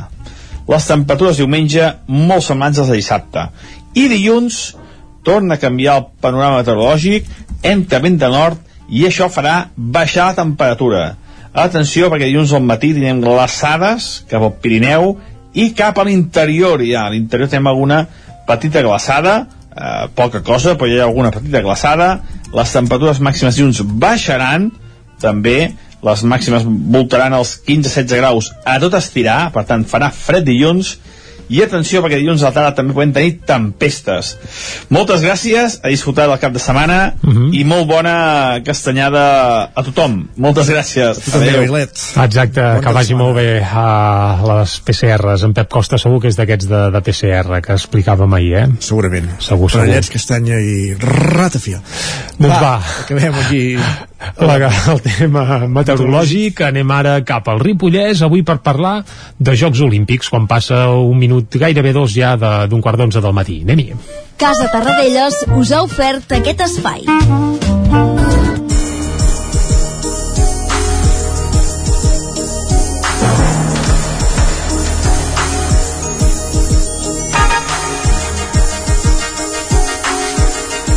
Doncs quan passen, com dèiem, 3 min dos minuts d'un quart d'onze, entrem a la pàgina de l'entrevista. Aquest passat diumenge a Ripoll, la plaça de la Llibertat va ser escenari. L'escenari on van començar el cicle de xerrades debat sobre la candidatura olímpica per als Jocs Olímpics d'hivern als Pirineus amb la presència de Bernat Lavaquiol, portaveu d'aquesta plataforma, d'Oriol Ajenjo, militant d'Arran, i la regidora d'Alternativa per Ripoll CUP, Rebeca Galavís, on van explicar tots els arguments contraris a la candidatura dels Jocs Olímpics. Isaac Muntades des de la veu de Sant Sant Joan.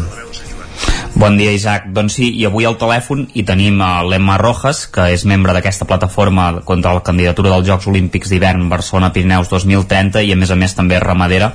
Bon dia, Emma, i moltes gràcies per atendre'ns i explicar-nos una mica més sobre aquesta uh, oposició a la candidatura dels Jocs Olímpics d'hivern. Bon dia, Isaac. Moltes gràcies a vosaltres. L'actualitat mana, Emma, i en el darrer ple de l'Ajuntament de Ripoll, de fet, es va tomar una moció de l'alternativa per Ripoll CUP que demanava fer un referèndum a les comarques de muntanya afectades pels Jocs per veure si volien doncs, uh, fer doncs, aquestes Olimpíades. Uh, Junts per Catalunya i el PSC van votar-hi en contra, Esquerra es va abstenir. No sé quina lectura en feu i no sé si et sorprèn el vot d'algun partit uh, amb la postura que han defensat al Parlament de Catalunya. Bueno, no ens sorprèn aquesta, bueno, la, la, el resultat. Junts per Catalunya ja va, va mostrar el seu suport explícit a la celebració dels Jocs Olímpics i el PSC avant la línia de, del PSOE i el pacte de govern que es va fer a l'estat espanyol per tirar endavant la candidatura doncs és normal que, que hi votés en contra Esquerra es va tenir una mica en, en una posició estratègica no? de, de mostrar-se eh, interessat en, en poder fer aquests aquesta, aquesta consulta, però alhora hem de tirar endavant la candidatura sigui com sigui per tant no, no ens sorprèn. No. Uh -huh. Junts per Ripoll va afirmar que la consellera de Presidència, Laura Vilagrà, ja havia dit que faria una consulta al territori. Us la creieu o que es faria aquesta consulta o penseu que cal més pressió? Bueno, una consulta pot ser de molts tipus, no? pot ser vinculant o pot no ser vinculant, i per tant nosaltres creiem que és imprescindible que, que pretén perquè es faci una, un referèndum vinculant uh, per poder donar veu i vot realment a, a tota la ciutadania de, de la zona dels Pirineus. Si la consulta Emma s'acaba fent i, i surt que sí que es volen als Jocs Olímpics, quina seria la vostra postura llavors? Bueno, la nostra postura serà sempre oposar-nos a, a la candidatura i evitar que aquesta tiri endavant de, de la forma que sigui possible perquè doncs, realment representa eh, un retrocés en, en la vida i la qualitat de vida de, de les persones del Pirineu, així com també pel medi ambient i pel territori. Uh -huh. Què els diríeu a aquells grups o partits, com pot ser el cas del PSC de Ripoll, que vincula la millora de les infraestructures a, a la candidatura olímpica? Bueno, els diríem que, que no ens poden fer aquest tipus de xantatge. Uh, amb aquestes infraestructures no, passen per, per l'ampliació, per exemple, de la C-16 en el tram de Berga uh, a Bagà, també amb la, de la R3 eh, Ripoll, des de Ripoll, bueno, una mica més a baix de Ripoll. Clar, aquestes reivindicacions són reivindicacions molt històriques per part de, de la comarca del Ripollès i del Berguedà i lligar-les a una candidatura olímpica l'únic que fa és desvirtuar aquestes eh, demandes i posar-les al servei d'una candidatura, és a dir, un, un percentatge. No estem d'acord. Mhm. Quins són els principals motius, Emma, pels quals no s'ha de presentar la candidatura dels Jocs? Em sembla que ho veu explicar doncs, en el debat que hi va haver l'altre dia diumenge. Quins serien els principals motius? Um, va, a veure si puc resumir-ho i fer una mica ràpid. Uh, o sigui, en, en un primer punt és evident que, que ens trobem en una situació d'emergència climàtica. Uh, la neu al Pirineu s'està fonent i cada vegada és més, és més necessari pues, uh, invertir milions i milions d'euros en fer neu artificial. Si ara, el 2021, ens trobem aquesta situació, l'any 2030, amb unes xifres d'escalfament global, en quin punt ens trobarem, no? Uh, fer, aquesta, fer tota aquesta inversió d'infraestructures uh, és un, en un model que, que ja està caducat, és a dir, el model de les estacions d'esquí ja, no, ja no és rentable, ja no és rendible i encara menys és sostenible, per tant, continu oi, perdó, continuar um, invertint milions i milions d'euros en aquest model és, un, és totalment un, un disparat, no? A més a més, eh, aquest tipus de model eh, el que porta a les comarques del Pirineu el, per la seva població és, una, és un serveis eh, públics molt mm, desvaloritzats, una, un accés a l'habitatge molt més car i molt menys digne i molt menys assequible per, per les joves que, que volen pues, construir futur en aquestes comarques. Més enllà de tot això, també eh, ens trobem en que eh, els Pirineus s'està apostant per un model de, de monocultiu turístic, no? d'apropar apropar el turisme al 100%, no, perdó, estic fent una entrevista um, a un monocultiu turístic i precaritat laboral, no? Llavors entenem que, que no hem d'apostar per una precaritat laboral cada cop més, més gran i d'aquesta manera pues, intentar diversificar aquesta tercerització de l'economia pues, amb altres sectors, no? Intentar recuperar uh, tot el que és la ramaderia d'alta muntanya que, que està deixant terra um, arable a la construcció de segones residències i eh, intentar doncs, mm, trobar altres formes d'apostar per una generació de beneficis que realment quedin implicats al propi territori. No? Eh, em podria estendre molt més en, en el fet de que les, la, l'estació, les estacions d'esquí eh, estan totalment condemnades al fracàs que a més a més no, es, es diu que, que serà un model sostenible quan, quan no serà sostenible perquè la construcció d'infraestructures um, no pot ser sostenible perquè no hi ha un, un futur que, que impliqui un augment de la neu als Pirineus i, i bueno, potser podria estendre més però crec que no tenim poc temps. No, no, queda claríssim, Emma, molt, eh, gràcies també per la, per la brevetat. Des de Junts per Ripoll s'acusa l'entorn de, de l'esquerra independentista d'oposar-se a tots els projectes que portaran molts llocs de treball al Ripollès, diuen ells, com el Bike Park, el polígon de les Llosses o els Jocs. Quin ha de ser el model econòmic de, per Ripoll i comarca des del vostre punt de vista?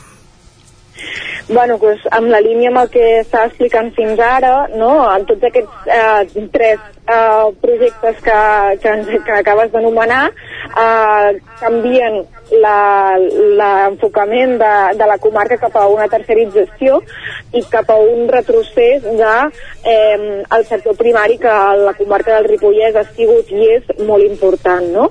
A les comarques d'alta muntanya eh, i de mitja muntanya, evidentment també, eh, tot allò que, que se surti fora de, de, del turisme queda cada cop més com arraconat, no? Llavors, el Bike Park, eh, per una banda, eh, suposa un greuge per, pel ramats que hi ha al costat doncs està plantejant la seva construcció més enllà d'una degradació del bosc i de la muntanya de l'entorn també amb una contaminació bastant visual no? perquè implica posar un telecabina al mig del bosc i per tant fer una tala i una rompuda bastant important.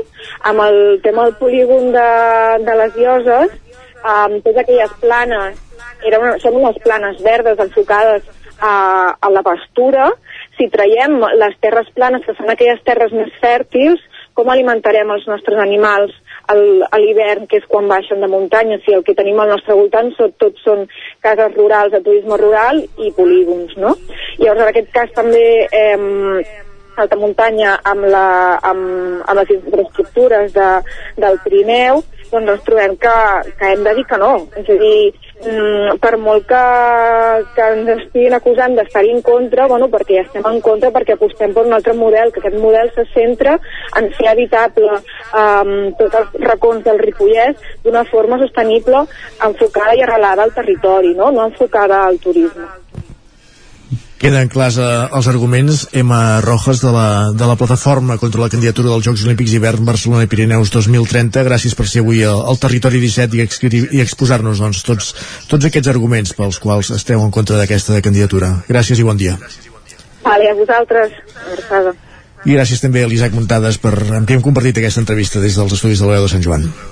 A vosaltres Arribats a aquest punt, falten 3 minuts i mig perquè siguin dos quarts d'onze. Farem una petita pausa per la publicitat i continuarà el territori 17 amb els continguts habituals de cada divendres. Piolades, taula de redacció, tot seguit. Acabarem aquesta primera hora amb el repàs a l'agenda esportiva i tornarem amb els clàssics musicals, el pas per l'R3, la Foglen, avui parlant de formatges també al Ripollès, a, a Mas del Lledrer de les Llosses, i acabarem amb l'agenda del cap de setmana. Tot això, a partir d'aquí, 3 minuts. Fem una petita pausa ràpida i tornem al territori Territori 17. El nou FM, la ràdio de casa, al 92.8. Ja tens la teva disfressa de Halloween? A Manli tenim les més terrorífiques. Vine a buscar caretes i tots els complements que et calguin per passar una nit de por. Ens trobareu al carrer de Ramon Soler número 1 de Vic i també a manli.cat. A Manli fem de la festa una bogeria. Cobertes serveis funeraris. Els nostres tanatoris estan ubicats en els nuclis urbans més poblats de la comarca d'Osona per oferir un millor servei. Tanatori de Vic, Tanatori de Manlleu, Tanatori de Centelles i Tanatori de Roda de Ter. Sabem que són moments difícils i per això el nostre compromís és atendre-us en tot moment amb un tracte humà, sensible i respectuós. Cobertes serveis funeraris. Telèfon 24 hores 93 883 23 46. Mayer Origen busquem persones com tu. Si ets un apassionat de l'alimentació saludable, no deixis perdre aquesta oportunitat. Entra a manlleorigen.cat, a la secció Treballa amb nosaltres i consulta les diferents ofertes. Saps què és el confort intel·ligent? És tenir un terra radiant Giacomini a casa. Benestar que no es veu, però es nota tot l'any. I que pots controlar a distància des del teu mòbil, estalviant energia i diners. Suma't al confort intel·ligent amb Giacomini. Informa't a giacomini.es o truca al 93 884 1001 i t'ajudarem a tenir un terra radiant a casa o a l'oficina. Giacomini, la climatització que et mereixes. Vols noves sensacions en un ambient dels anys 80? Vine al restaurant 80s Spirit Peak. Emocions i bon menjar. Costelles amb salsa de barbacoa, 8 tipus d'amanides, hamburgueses 100% de carn de vedella, carn a la brasa, pollastre, plats combinats, varietat en tapes, hamburgueses per a vegans i vegetarians... Disposem de terrassa amb un ambient acollidor. Descomptes especials per a universitaris. 80s Spirit Peak. Ens trobaràs a la plaça de la Pietat 2 de Vic. Reserves al 93 679 44 43. Cocodril Club. Si t'agrada la bona música dels anys 60, 70 i 80, escolta el 9 FM als matins de dissabtes i diumenges d'11 a 1. És el temps del Cocodril Club, tot un clàssic de la ràdio, amb les bases del pop-rock, les llegendes, les cançons que s'han convertit en autèntics himnes. Recorda, dissabtes i diumenges al matí, d'11 a 1, al 9 FM 92.8. Cocodril Club, el programa revival de l'Albert Malla.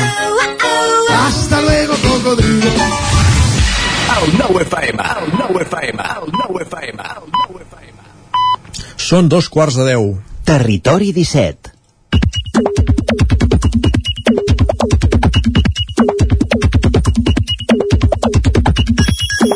Fa una hora sí que eren dos quarts de deu, ara ja són dos quarts d'onze i a l'estudi tenim en Jordi Sunyer amb en Guillem Sánchez. Està bé, està bé aquest apunt horari que has fet perquè això ens servirà per recordar que la nit de dissabte a diumenge sí que hem d'endarrerir els, dir, el rellotge és una hora i després sí que ara mateix, per exemple, serien dos quarts de deu. Correcte, correcte. I... Però encara avui no, eh? Ja sóc a dilluns, vols dir, o dimarts, no? no, diumenge, diumenge directament. I de fet hi ha molts usuaris, Jordi i Isaac, que encara estan recordant això, que demà hi ha aquest canvi d'hora, que a les 3 seran les dues, que dormirem una hora més, però que segurament diumenge estarem una mica més de, de mala lluna, potser això que diuen, no?, de les conseqüències del... Per sort tenim el dilluns per replantejar Bé, i dormir una hora més sempre s'agraeix, eh? Sobretot els que som de, de dormir, vaja, ras i curt. Doncs en Jordi ens diu, lo del canvi d'hora al final es fa o no, si encara no m'ho ha dit ningú, de fet sí que portem ah, una... En Pep Acosta ja ens ho ha dit i remarcat, eh?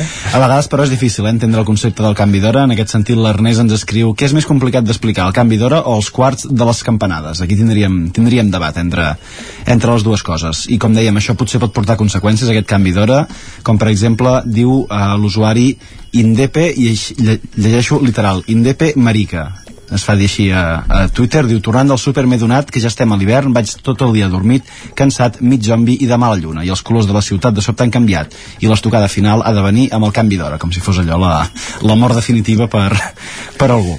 Bé, I la- sempre torna la primavera, eh? I les consoles, perquè no vol... I per acabar, la Mari ho resumeix de la següent manera. Arriba l'època de l'any en què toca plorar pel canvi d'hora a tots els que no es lleven mai abans de les 9 del matí. Per tant, qui es llevi abans o després segurament ho, ho viurà d'una manera diferent. Parlant de les hores i del temps, en Jordi s'ha posat a tou en un moment per això. Diu, m'acabo d'emocionar veient un vídeo de la pluja a la meva comarca. No estem bé.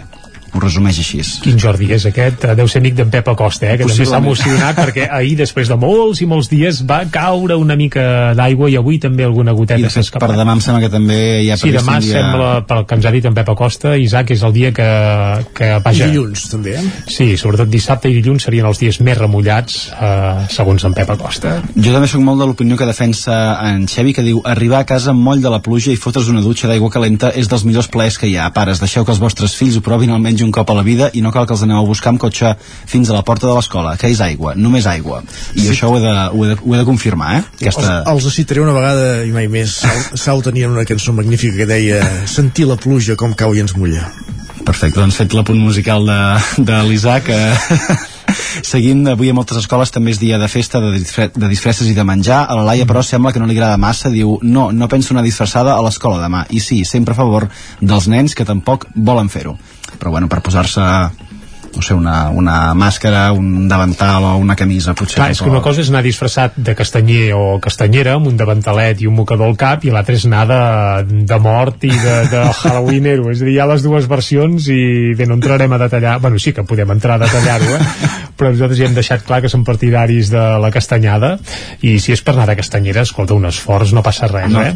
Correcte. En I... l'altre cas podríem és més introduir matisos i més discussions. Sí. I ja fa uns dies vam parlar d'alguns noms curiosos d'algunes classes d'escola. Avui, segon episodi. La Mari Carme deixa escrit per Twitter la frase no m'ho puc creure i adjunta un missatge i fotografia d'en Gonçal on es llegeix el nom de les classes d'infantil de l'escola on hi va el seu fill. Alerta. Alerta. A infantil 5, llops i llobes. A infantil 4, ossos bruns i osses brunes. I a infantil 3, doncs eh, li han posat el nom de balenes rur rurquals. I en Gonçal comenta, no entenc com a infantil 3 no s'han atrevit a dir-li balenes rurquals mascles i balenes rurquals femelles. I una oportunitat perduda de no posar-li koales i koals en homenatge a Antònia Font. Que bonic. Mira, bonic és. la classe de la meva filla l'any passat es deia la classe dels amics i les amigues. Ho van votar ells. Ai, uh, en fi, sí, i llavors diem que són dos amigues. Però en sí. fi. I va, canviant de tema per acabar la setmana de tuits, la Montserrat s'ha portat bé al dentista. Diu, em va, em va felicitar el dentista no per portar-me no per portar-me bé, que també, sinó per llegir a la sala d'espera. Tothom amb el, amb el mòbil menys jo. Que et felicitin per llegir, mola molt.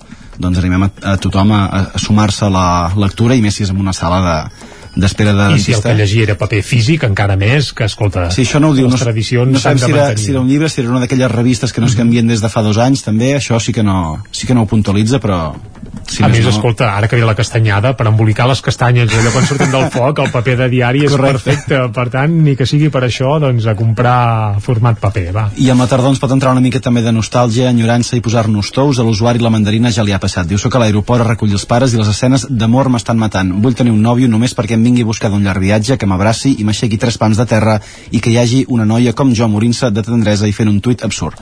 Això vull, doncs bona castanyada i bon Halloween a... les pel·lícules fan molt de mal, eh? Fa molt de mal. Guillem, que vagi molt bé la castanyada. Uh, Isaac, fem un cop d'ull al 99.cat.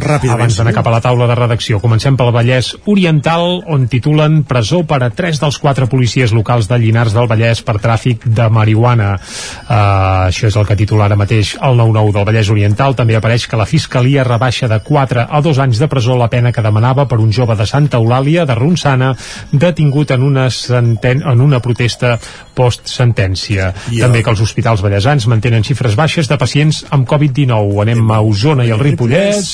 Ara mateix qui apareix a la portada és en Lluc Cruselles, que optarà el títol de millor xocolater del món. També que el regidor de Vic, Josep Arimany, denuncia ser víctima d'una campanya de calúmnies i amenaces. Ahir ho va fer públic i li van donar suport tots els regidors del, consultor, del consistori biguetà. I eh, finalment apareix que Joan Pau Chávez i el Boig per tu al piano, una estrena que es veurà a l'Atlàntida la setmana vinent, però el 9-9 ja està esmolant les eines i apareix a l'edició digital el concert que farà el teclista llista dels pets la setmana que ve a l'Atlàntida. Perfecte, Jordi, gràcies. I ara, com deies, anem a la taula de redacció. Vinga.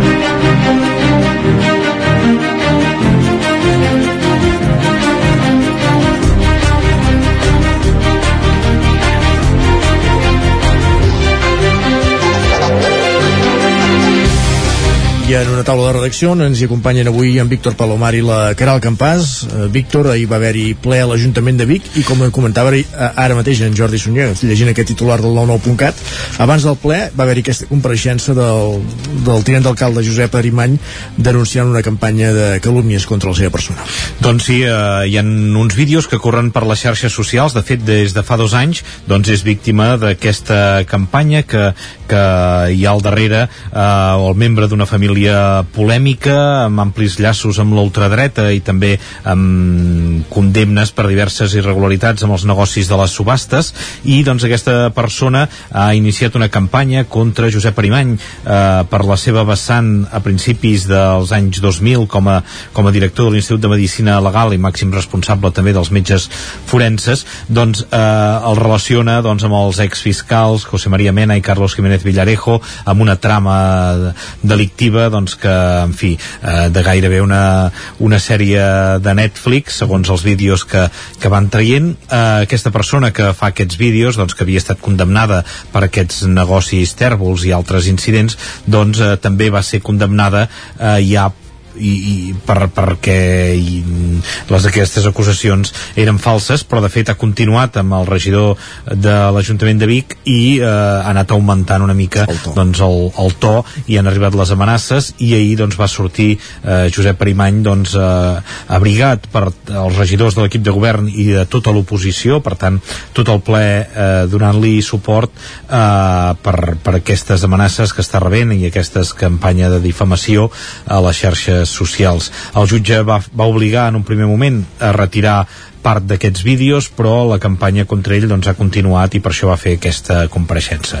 Com dèiem, va ser just abans de començar un ple on a Vic eh, s'uneixen des de ja fa dos anys eh, els pressupostos i les ordenances fiscals s'aproven en un mateix ple. De fet, té bastant sentit perquè les ordenances eh, són el, una gairebé la meitat del, més de la meitat dels ingressos dels ajuntaments i això fa doncs que amb un ple s'aprovin les dues coses. La majoria de plens eh, necessita, ho faran eh, o, o aquesta setmana que ha passat o les properes, sobretot perquè hi ha un termini per aprovar les ordenances que s'han d'aplicar a partir de 1 de gener i hi ha d'haver aquest temps d'aprovació inicial, exposició pública abans eh, que es puguin presentar al·legacions i s'estimin o es desestimin les al·legacions i hi hagi l'aprovació definitiva. Per tant, doncs, eh, tots els municipis, tots els ajuntaments que facin bé els deures, doncs eh, això, el límit és o aquesta setmana passada, la propera i com a molt la següent, doncs per poder aprovar aquestes ordenances perquè hi hagin els terminis vigents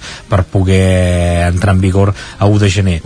A Vic, eh, i com passa amb molts ajuntaments d'Osona, eh, titulàvem o qualificàvem aquestes ordenances de gairebé postpandèmiques després que l'any passat mm, la majoria d'ajuntaments congelessin les principals eh, ordenances de l'IBI, les escombraries eh, per aquesta situació que vivíem de pandèmia, doncs ara els ajuntaments tornen a recuperar un augment de l'IBI que va d'un 3 un 4%, ajuntaments com Vic, Torelló, eh, que fan aquesta puja de l'IBI, i. També les escombraries. El cànon de les escombraries no para d'augmentar, la previsió és que creixi encara més i que en els últims anys doncs, hagi patit un augment eh, elevadíssim. I això fa doncs, que acabi repercutint en el, en el rebut de les escombraries. Doncs són les dues eh, taxes, l'impost i taxa, que, que pugen, l'IBI i les escombraries, en el cas de, de Vic ho fa l'IBI un 3,87 i la taxa de residus puja un 8,5%. És un, una xifra important. En aquests moments a Vic es paga eh, 158,9 euros de, de la taxa d'escombraries de, i relacionat també amb això doncs, eh, hi ha les imaginacions, les solucions que busquen els ajuntaments per millorar aquesta recollida selectiva i que cada cop es porti menys impropis a, als abocadors, que és el que realment eh, dispara aquesta, aquesta taxa d'escombraries. I l'oposició que hi va dir? I l'oposició hi va votar en contra, a Vic hi ha majoria, aquesta majoria absoluta i tot i que l'any passat, per exemple, amb, el, amb les taxes i amb, amb les ordenances i amb el pressupost, Esquerra va acabar donant suport al pressupost, en aquesta ocasió doncs, eh, van votar-hi en contra tots els grups de l'oposició l'oposició i com dèiem doncs van tirar endavant les taxes i un pressupost, un pressupost que eh, venia qüestionat per aquesta incertesa de la plusvàlua, s'hi trobaran tots els ajuntaments que també doncs eh, això, en aquesta recta final de, de, de l'any han d'aprovar el pressupost. I va haver aquesta setmana una sentència en què qüestionava el mètode de, de, de càlcul de la plusvàlua, d'aquest impost de la plusvàlua que és després de l'IBI el segon impost que més recapten els ajuntaments i el que va fer Vic va ser doncs, una estratègia allò a última hora fent consultes a l'Associació Catalana de Municipis, a la Federació de Municipis de Catalunya eh, amb, amb experts de tota mena doncs eh, hi havia dues opcions. Una, ajornar el ple perquè encara no hi havia la sentència física de, del Constitucional en què qüestiona el sistema de càlcul de la plusvàlua. Sí que va arribar ahir. Vic va dissenyar doncs, un mètode perquè pogués tirar endavant un pressupost amb què preveia uns ingressos 1,6 milions d'euros per la plusvàlua. Per tant, si s'anul·lava aquests 1,6 milions d'euros, o es retallaven despeses, per tant, no es podien aprovar projectes, o s'ajornava el ple per veure què passava. Tot i que sembla que al final doncs, la plusvàlua no desapareixerà, sinó que es farà un nou càlcul qüestiona el càlcul i per tant doncs, el que ha de fer el Ministeri eh, d'Hisenda doncs, és eh, eh, dir al, als ajuntaments de com s'ha de fer aquest nou càlcul quins, eh, com s'ha de cobrar quins, quan s'ha de cobrar i quan no. Doncs eh, de forma provisional Vic el que va decidir doncs, és partides que no s'han de gastar a principis d'any, congelar-les i eh, ajuntar totes aquestes partides, com poden ser subvencions a entitats eh, que no es donen fins a la segona meitat de, de, de l'any, doncs posar-les, eh, congelar-les i posar-les com a com a ingressos perquè no hi han despeses congelades fins a sumar aquest 1,6 milions i per tant és com enganyar-se un mateix però era per poder tirar endavant un pressupost perquè eh, provisionalment eh, no se sap doncs què fer amb aquesta plusvàlua uh -huh. eh, doncs el, ple, el pressupost que el puja a 57,6 milions d'euros es va aprovar igual que les ordenances amb el vot en contra de tota l'oposició l'oposició una mica la filosofia és que no troben que són uns pressupostos socials i troben a faltar doncs, que eh, la pandèmia ha deixat molta gent a, a la cuneta i doncs, que aquestes persones no se les pot deixar de banda i des de l'oposició creuen que la la distància entre uns i altres doncs s'augmenta amb aquests pressupostos perquè no es preveu prou partides en aquestes desigualtats socials. Uh, preveu 9 milions amb inversions que suposaran la finalització de la biblioteca Pilarín Vallès. Han d'acabar les obres a finals d'any i falta eh, equipar-la interiorment i posar-la en funcionament. Eh, s'iniciaran les obres de remodelació de les dues adoberies que va comprar l'Ajuntament ara fa dos anys i també hi ha una partida per reurbanitzar carrers com la, el Portalet, la Rambla de Vallades la plaça Francesc Moragas, el carrer Paraúix el carrer Nou i el carrer de la Fusina. Déu nhi doncs tot el que preveu aquest pressupost de l'Ajuntament l'Ajuntament de Vic. Gràcies, Víctor. Molt bé, a vosaltres. I hem parlat del ple que es feia ahir a l'Ajuntament de Vic. També hi ha hagut ple aquesta setmana a Sant Feliu de Codines, que era el campàs des d'Ona Codinenca. Bon dia. Hola, bon dia. Doncs sí, va ser dimecres i de fet, igual que, que a Vic, eh, us destaco que s'apuja l'IBI i a més gairebé el mateix percentatge, un 3,8% eh, aquí a Sant Feliu de Codines. Uh -huh. Um, en, aquest, en aquest ple es van aprovar, per tant, provisionalment aquestes ordenances fiscals 2022, on destaca no, aquest augment de l'IBI, i uh, comentar-vos també que hi haurà bonificacions a uh, aquest IBI uh, per la gent que tingui instal·lades plaques solars, i també hi haurà reduccions tant per família nombrosa com per famílies monoparentals. Pel que fa a les famílies monoparentals, um, van explicar que a nivell legal no poden fer una bonificació com a tal, però sí que destinaran a 6.000 euros per um, obrir ajuts uh, per aquestes famílies monoparentals ajudar doncs, a, a pagar a aquest IBI. Um, pel que fa a ordenances, també destaquen, per exemple, la taxa del cementiri, que fins ara era de 1.035 euros i ara serà de 1.255, uh, i també la taxa de les parades del mercat, que per cada metre quadrat fins ara era de 0,90 cèntims i ara serà uh, d'un euro. Um, per altra banda, la taxa de deixalles es congela um, a diferència doncs, del que comentava el company a la capital usonenca. Aquí a Sant Feliu de Codines es congela. Doncs aquestes ordenances es van aprovar amb els 7 vots a favor del govern i 6 abstencions de la resta de grups. Eh, i també us comento uh, unes modificacions de crèdits del pressupost en curs que um, s'incrementen en 50.000 euros en via pública i 10.000 en parcs i jardins. Van explicar des del govern el per què no? el via pública és perquè hi han tres clavegueres que s'han rebentat estat i s'han d'arreglar i s'ha de fer el més aviat possible. I de, pel que fa a parcs i jardins doncs tenien destinat eh, inicialment 33.000 euros, se n'han gastat ara uns 20 eh, i per tant s'ha augmentat perquè mm, comenten que hi ha alguns parcs que amb, amb les pluges doncs s'erosionen algunes pendents i al final genera un pro problema de seguretat um, i doncs han decidit um, augmentar aquestes partides. Um, això es va uh, aprovat amb els vots a favor del govern, 5 vots en contra de primàries Codines i una abstenció d'Esquerra. I acabo explicant-vos aquest ple destacant dues qüestions més així molt ràpid. Um, es va aprovar una moció pel que fa a la situació de pediatria al cap de Sant Feliu amb tots els grups doncs, a, a favor um, explicant la situació i, i reclamant i, i dient que es comprometien a mantenir una reunió amb Josep Maria Argimon, conseller de Salut per tal doncs, d'exposar aquesta situació i d'altra banda hi va haver una petita picabaralla entre tots els grups i, i és que des del govern s'aposta encara ara per mantenir els plens telemàtics i des de l'oposició doncs, reclamaven que es torni a la presencialitat. Doncs déu nhi Moltes gràcies, Caral, també per aquest apunt del ple de Sant Feliu d'aquest dimecres. No marxis gaire lluny perquè de seguida fem el repàs al cap de setmana esportiu als nostres territoris.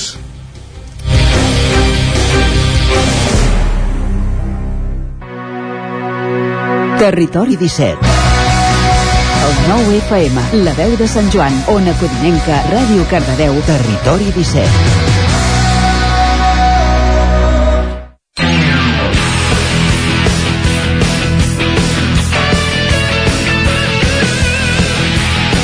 11 minuts pràcticament hi seran les 11 i a punt davant el micròfon als estudis de Ràdio Cardedeu i hi tenim a punt l'Òscar Muñoz perquè ens avanci l'agenda esportiva dels equips de, de l'entorn de Cardedeu, de Lliçà, de, de Lliçà, perdó, de Llinàs, de Granollers. Bon dia, Òscar. Bon dia. Sí, fins, fins a Lliçà no arribem, no arribem encara. però, però uh, en, encara no. Uh, no, això, comenta'ns doncs... si tot i ser castanyà sí. o Halloween, si hi ha activitat esportiva també. Tenim, tenim, tenim activitat i, i més amb el primer equip, que aquest cap de setmana, diumenge, eh, es desplaçarà cap a Vic per jugar contra el OAR Vic. Eh, això seria diumenge a tres quarts de 12 i al municipal de Torres i Bages.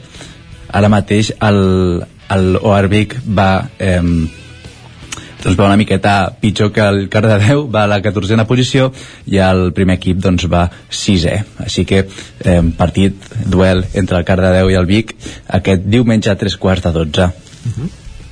Molt bé. Si no, ara ens, el, el filial de la tercera jugarà dissabte a un quart de cinc eh, aquí a Cardedeu eh, a priori partit fàcil ja que juga contra la Batllòria. Actualment doncs, no ha guanyat res a aquesta tercera catalana així que esperem eh, un altre punt, eh, tres puntets per al filial que ja va venir a guanyar la setmana passada i ara mateix està situat a la vuitena posició. A la mateixa lliga trobem el Llinàs que jugarà un quart d'hora després a, Ara, a dos quarts de cinc, també a, a casa contra el Llinàs, ai, perdona, a casa a Llinàs contra el Canovelles. Aquí segur que veiem un partit doncs, més intens, ja que els dos equips tenen més història eh, aquestes, eh, aquests entre partits ells. entre ells uh -huh. i, i, i a part està igualadet ja que eh, el Llinàs va a la de bona posició i el Canovelles a la dotzena i acabem el repàs eh, de futbol amb l'Esport Club d'aquesta tercera divisió que diumenge a les 7 jugarà fora contra el Sants Unió Esportiva així que s'enfronta el tercer eh, el 13 i el 14 de la tercera divisió doncs aquí continua la ratxa, no? Sí, tot i que bueno, l'Esport Club li queda, té un partit menys però el tenim allà situat allà baix. Molt bé. Anem a l'handbol. Ara ens anem, sí, ara ens anem amb l'handbol eh, tant el sènior femení com el masculí jugaran a casa. El sènior femení jugarà dissabte a dos quarts de sis contra el Finestrelles Esplugues. Els dos equips no van, no van bé a la Lliga eh, tot i que el Finestrelles doncs, eh, va per davant de la, de la classificació. I això també li passa al sènior masculí que jugarà diumenge a les 12 també aquí a casa contra l'Espanyol amb vol eh, els dos equips tampoc estan bé a la Lliga i bueno, l'Espanyol porta una victòria més que el Cardedeu. Esperem que aquest cap de setmana eh, torni el, les victòries al, al pavelló d'esports d'aquí Cardedeu amb aquests sèniors d'handbol. Molt bé. Uh -huh. I acabem amb l'handbol de Granollers, amb les nois de CAC 7, que dissabte a dos quarts de cinc jugaran contra el Super Amara Vera Vera aquest equip de Sant Sebastià que ara mateix està situat a la primera posició de la Lliga eh, Guerreres. Així que eh, partit difícil per les noies del CAC que van setenes a la classificació. I acabem amb l'únic partit d'avui que jugarà el Franking eh, Granollers que s'enfronta al Logroño. Aquest partit eh, és un dels partits interessants de la Lliga Sobal eh, tercers contra quarts i això, jugaran avui a tres quarts de nou al municipal de, de Granollers l'esportiu. Perfecte, gràcies Òscar. Bon cap de setmana. A vosaltres. Bon, bon cap de setmana no, perquè parlarem d'aquí una horeta. Fins després. després, sí. Molt bé. I ara sí, tornem a una codinenca amb la Caral Campàs per reconèixer eh, què fan els equips d'hoquei i futbol de, de l'entorn aquest cap de setmana. Uh, comencem per l'hoquei. El rec amb les arcaldes recordem que va sumar la primera victòria de la temporada després de guanyar una de les pistes més complicades del campionat, la del pas al coi per 3 a 6. Uh, I bé, aquests 3 punts uh, que sumats als diversos empats uh, situaven, han situat Alcaldes a onzena posició amb 6 punts i el proper partit que enfronten els calderins serà aquest dissabte amb la visita del Palafrugell a la Torre Roja. El partit serà a les 7 de la tarda, com deia, a Caldes. I el primer equip de patins eh, de Sant Feliu, eh, que el tenim a segona divisió, eh, l'última jornada va perdre davant el Juleseta per 5 a 8 i demà a les 6 de la tarda s'enfronta al Rochapea a, a la pista dels contraris.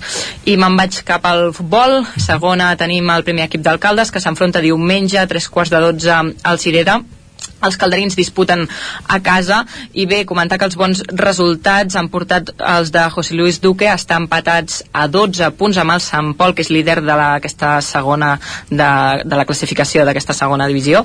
I per tant el Cirera eh, ho tindrà complicat eh, que està situat al número 9 de la classificació. I a tercera el Sant Feliu de Codines visita l'Olímpic La Garriga demà a les 4 de la tarda. Dos equips molt igualats a la classificació amb diferència de només dos punts. L'Olímpic és cinquè amb 11 punts i el Sant Feliu sisè amb 9 punts. Els codinencs, comentar-vos que han obtingut 3 victòries i 3 derrotes des de l'inici. I el Mollà, també tercera catalana, juga a casa contra el Navàs demà a les 5 de la tarda. El Mollà, que està fent un molt bon paper aquesta temporada, són tercers només a un punt del segon, el Voltregà, i el Navàs, d'altra banda, ho tindrà complicat havent sumat només 5 punts des de l'inici de la temporada. També a tercera tenim el Castellterçol, que es desplaça fins a Aiguafreda, demà a dos quarts de set. El Castellterçol és un dels equips eh, pitjors situats a la classificació, amb només dos punts eh, en quinzena posició, i d'altra banda l'Aiguafreda està a la part mitja de la taula amb set punts.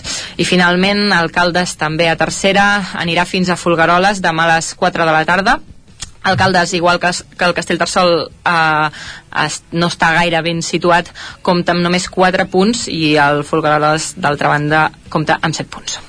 Perfecte, gràcies, Caral, també parlem després. A vosaltres. Isaac Montades, des de la veu de Sant Joan, eh, coneguem l'agenda esportiva del Ripollès. Doncs mireu, aquest cap de setmana bàsicament sobretot tenim futbol, a la segona catalana el grup sub, el subgrup A, el Camprodon necessita guanyar per sortir del pou de la classificació perquè ara mateix és cué amb només 3 punts, té un partit molt complicat perquè aquest diumenge rebrà el Can Givert a casa a les 4 de la tarda, que és el líder de la Lliga en 16 punts i encara no ha perdut, després d'obtenir 5 victòries i un empat, per tant, rival complicat per iniciar la remuntada de, del Camprodon.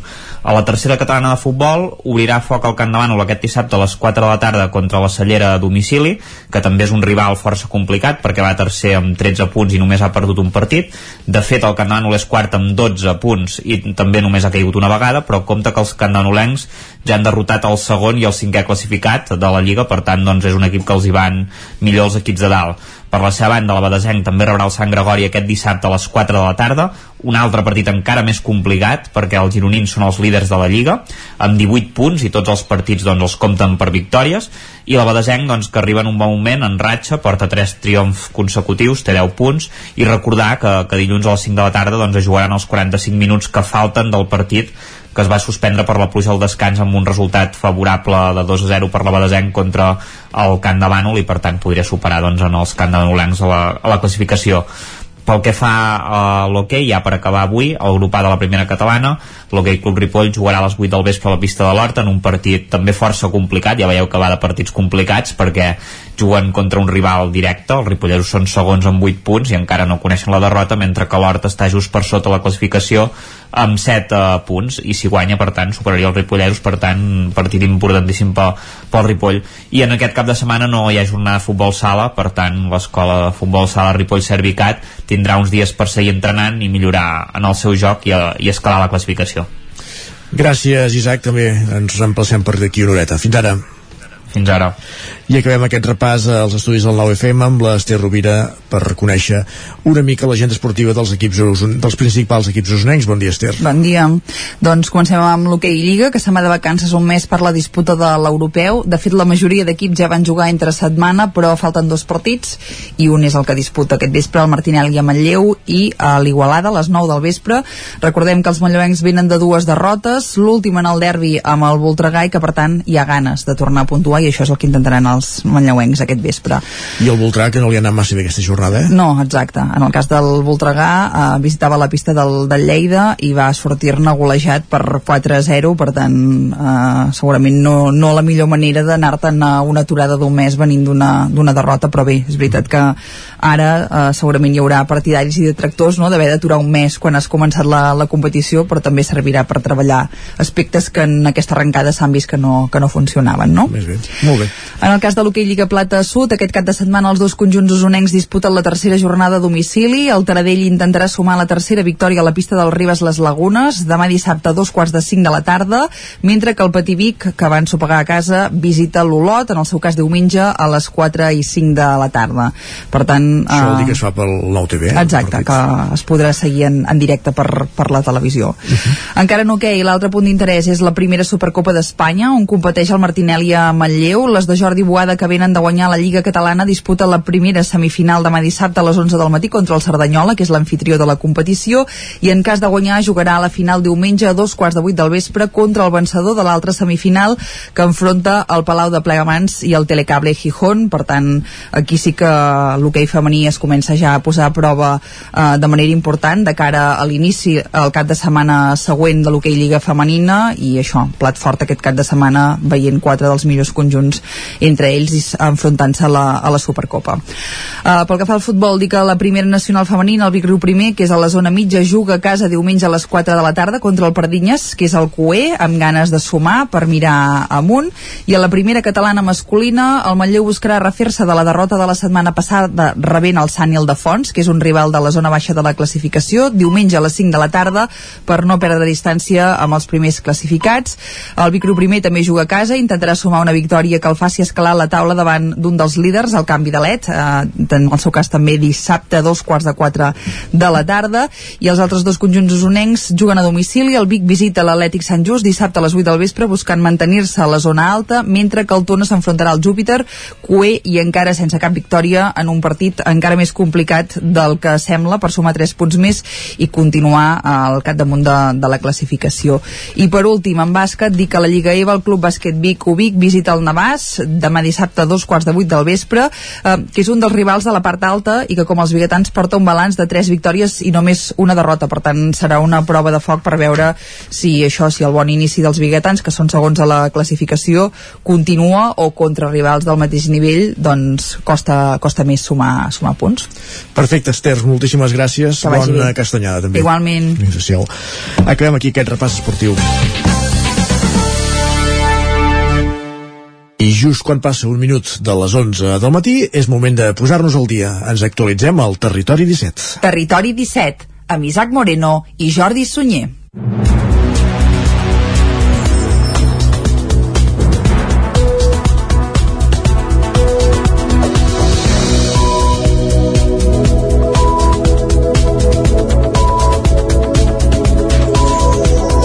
El jutjat d'instrucció número 4 de Granollers envia a la presó 9 dels 15 detinguts a Llinars, entre ells 3 dels 4 policies locals, després de, de declarar ahir a la tarda al jutjat de Granollers. Núria Lázaro, de Ràdio Televisió de Cardedeu. Se'ls acusa de col·laborar amb una organització dedicada al tràfic de marihuana i al blanqueig de capitals. Segons l'últim balanç publicat pels Mossos, s'han realitzat 15 detencions, 32 escorcolls i s'ha intervingut marihuana amb més de 100.000 euros i diverses armes de foc. El jutjat d'instrucció número 4 de Granollers ha enviat a presó provisional comunicada i sense fiança a 9 dels 15 detinguts amb una causa oberta per organització criminal, suborn, tortura, salut pública, falsedat documental i blanqueig de capital. Dels quatre policies detinguts, només un ha quedat en llibertat amb càrrecs per un delicte de robatori amb força. Entre els quatre policies detinguts es troba un caporal al qual se l'acusa d'oferir presumptament locals i seguretat als traficants a canvi de diners. Segons han informat fons policials, entre els agents detinguts hi ha un germà del caporal que es dedicava a fer tasques de jardineria i manteniment dels diversos locals. La investigació policial es va iniciar l'any 2020, després el 2019 un tiroteig prop de Llinars on un agent va quedar ferit activés totes les alarmes. L'alcalde de Llinars del Vallès, Martí Pujol i Casals, va assegurar el passat dimarts trobar-se sorpresa amb la situació, tot i que veïns del poble li havien fet arribar els rumors. La seva resposta era que sense proves no podia fer-hi res legalment. Ara ja ha anunciat que apartarà de sou i feina els acusats. Va afegir també que farà per cobrir les baixes al cos el més ràpid possible. Un centenar de persones es van aplegar ahir al migdia a Vic en una acció organitzada per Càritas en el marc del Dia de les Persones sense llar. L'acció es va fer a la plaça Gaudí de Vic, just davant de l'Oficina d'Afers Socials i Famílies de la Generalitat, i s'hi va llegir el manifest d'enguany de la campanya Diguem prou ningú sense llar. L'acte, organitzat per Càritas, va rebre l'adhesió de la PA d'Osona, Òmnium Cultural, l'Associació l'Associació Tapís i el Casal Claret i va plegar un centenar de persones amb un clam comú. Ho explica la directora de Càritas Diocesana de Vic, Núria Callís. Dir prou que ningú es quedi sense llar perquè davant tota la problemàtica que hi ha de tantes persones que viuen al carrer hem de, pensem que aquest acte pot ser un, un toc d'atenció i, una, i és una reivindicació de tot el que volem que no hauria, pensem que no hauria de passar la campanya Ningú sense llar es fa a tot l'Estat i aquest any té per lema sense sortida, perduts en un sistema de protecció social que no protegeix. És per això que Càritas demana a l'administració que canvi el sistema i que pari més atenció a la situació de desprotecció social i manca d'oportunitats on es troben moltes persones al límit del sensellarisme. Núria Callís. És un problema greu en què a vegades les administracions no hi paren prou atenció, no? Que el tenim localitzat en diferents llocs o barris de les ciutats o pobles i que, bueno, que anem fent però sense eh, tractar-lo de fons. Des de Càritas ja fa temps que tenen en marxa projectes per evitar que la gent hagi de dormir al carrer i en el cas de Vic disposen de set pisos d'inclusió social.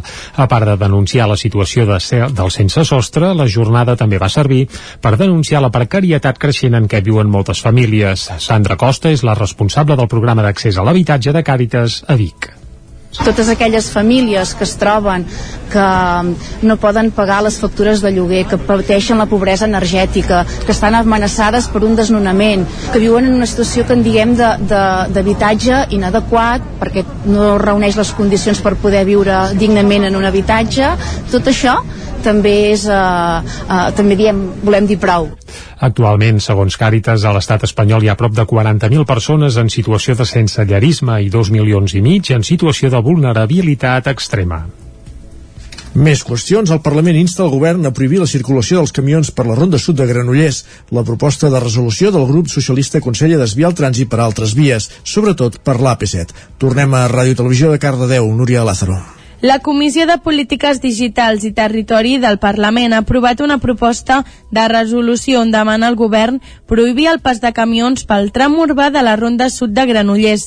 La iniciativa ha estat presentada pel grup parlamentari socialistes i Units per Avançar, que ja havia presentat resolucions en un sentit similar en altres ocasions, però sense èxit. D'altra banda, la proposta també demana aplicar la prohibició al tram de la carretera del Masnou entre l'enllaç amb la carretera C C35 i la rotonda de la Ronda Sud. En tots dos casos també s'insta a prohibir el pas als vehicles de mercaderies perilloses. Els socialistes proposen desviar el trànsit per altres vies, sobretot per una P7 ja alliberada de peatges. La proposta ha rebut el suport de la resta de grups i Esquerra i Junts han incorporat una esmena que demana estudiar els efectes que la prohibició del pas de camions tindrà en eixos viaris propers. A més, s'insta a buscar formes per minimitzar l'impacte en la qualitat ambiental de la zona. Els centres d'atenció primària del Vallès Oriental ja han començat a administrar la primera dosi de la vacuna de la grip, que es pot administrar de forma simultània amb la de la Covid-19. Caral Campàs, des d'Ona Codinenca. Els centres d'atenció primària del Vallès Oriental ja han començat a administrar la vacuna contra la grip. Aquest any l'objectiu principal és arribar a la població de 60 anys o més, persones amb malalties cròniques embarassades i professionals de la salut. La principal novetat, però, és que les persones majors de 70 anys que van rebre la segona dosi de la vacuna contra la Covid-19 fa més de 6 mesos podran rebre alhora el vaccí de la grip i la dosi de reforç contra la Covid. D'aquesta manera, amb la doble vacunació es pretén protegir al màxim els col·lectius més vulnerables vulnerables davant d'una possible coinfecció. Fins ara la tercera dosi de reforç s'havia centrat en les persones que viuen a les residències geriàtriques i a les immunodeprimides. La cita es pot demanar a través del web de programació de visites citasalut.gencat.cat o a través de la meva salut. També es pot demanar dia i hora a través de la central de trucades. Finalment, com cada any, es pot contactar directament amb el centre d'atenció primària corresponent.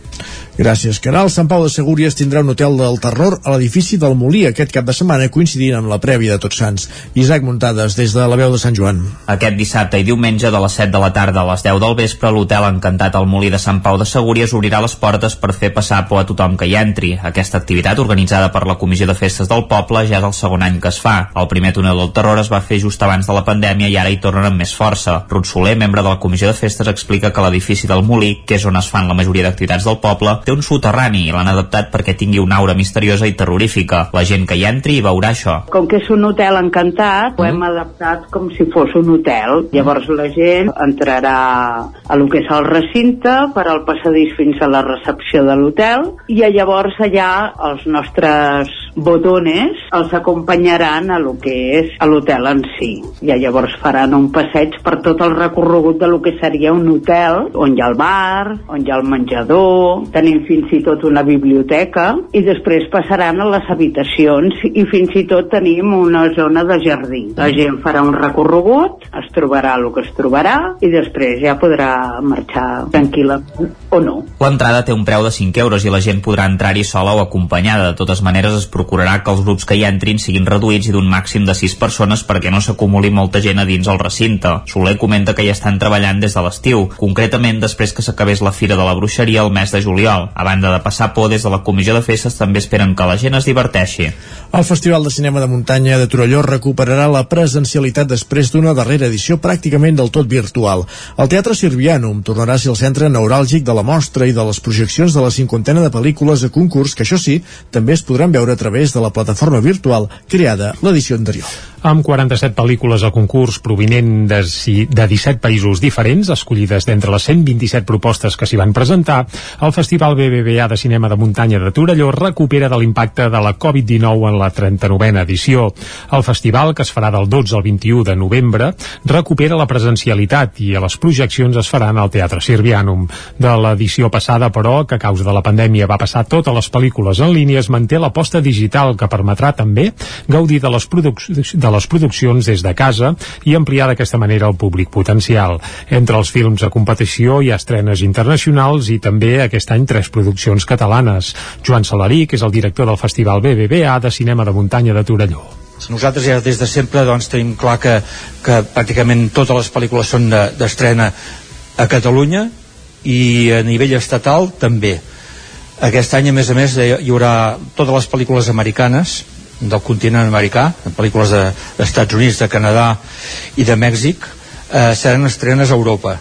I llavors hi ha una pel·lícula italiana, eh, Auk, la voce de l'Eclisse, que s'estrena mundial. L'Antàrtida, volem dir, serà l'eix temàtic d'aquesta edició per reflexionar sobre l'impacte del canvi climàtic, que és molt evident en aquest territori. El Pol Sud, doncs, centrarà l'espectacle inaugural i també altres activitats com una exposició sobre les primeres expedicions que el van trepitjar o un espectacle familiar de màgia i titelles.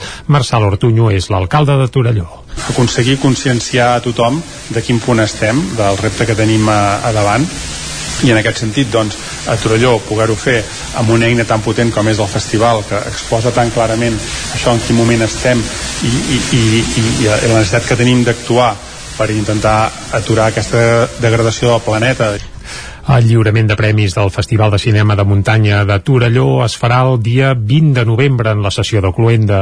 Entre les propostes paral·leles al festival destaca també el dia 13 el Torelló Mountain Wines amb una, pro, amb una mostra de vins que es farà a la plaça Nova on hi participaran una vintena de cellers. Gràcies, Jordi, que aquí aquest repàs informatiu que hem fet des de les 11 i un minut en companyia, com dèiem, de Jordi Sunyer, Caral Campàs, Isaac Muntades i Núria Lázaro. Ens hem actualitzat. Continua el territori Territori 17, tot seguit amb la secció dedicada cada divendres als clàssics musicals de la mà de Jaume Espuny. Avui ens porta un disc de Pink Floyd.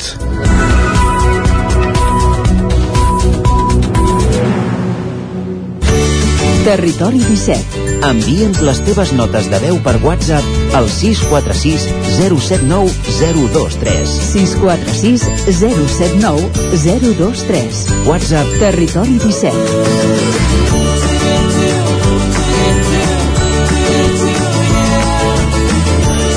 Territori 17. Som a Facebook, Twitter i Instagram amb l'usuari Territori 17.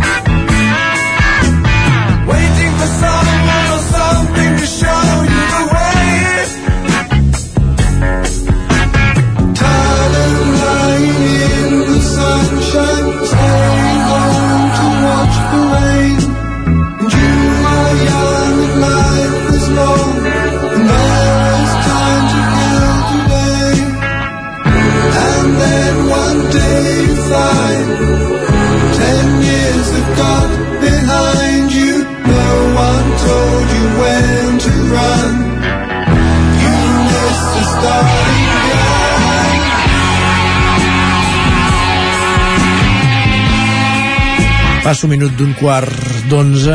Jaume Espuny, bon dia.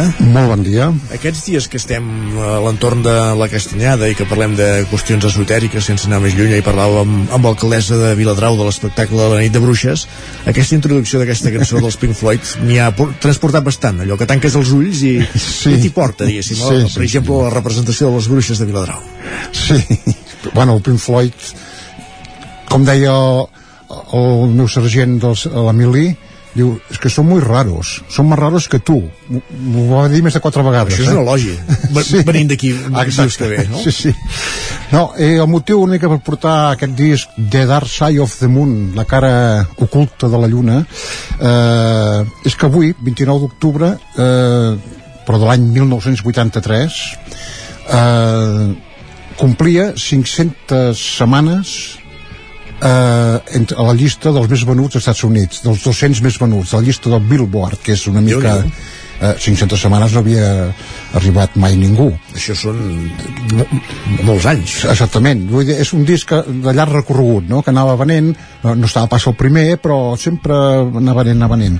Però eh, va, va arribar fins a la setmana 741 com feia 741, que o sigui 15 o 16 anys o 17 eh, va desaparèixer però quan va tornar, ai, quan van aparèixer eh, llavors als finals dels 80 els compacts, que ja era definitiu, doncs va tornar a entrar.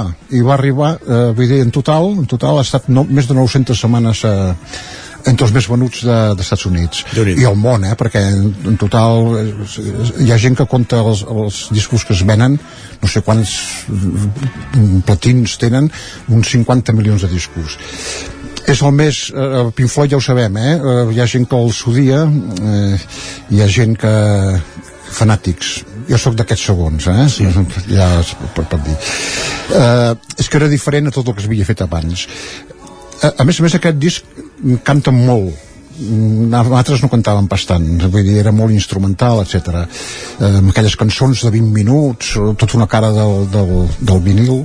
Eh, escoltarem una cançó eh, la, la, la més famosa del disc i que es radiava i tot per les ràdios. Money.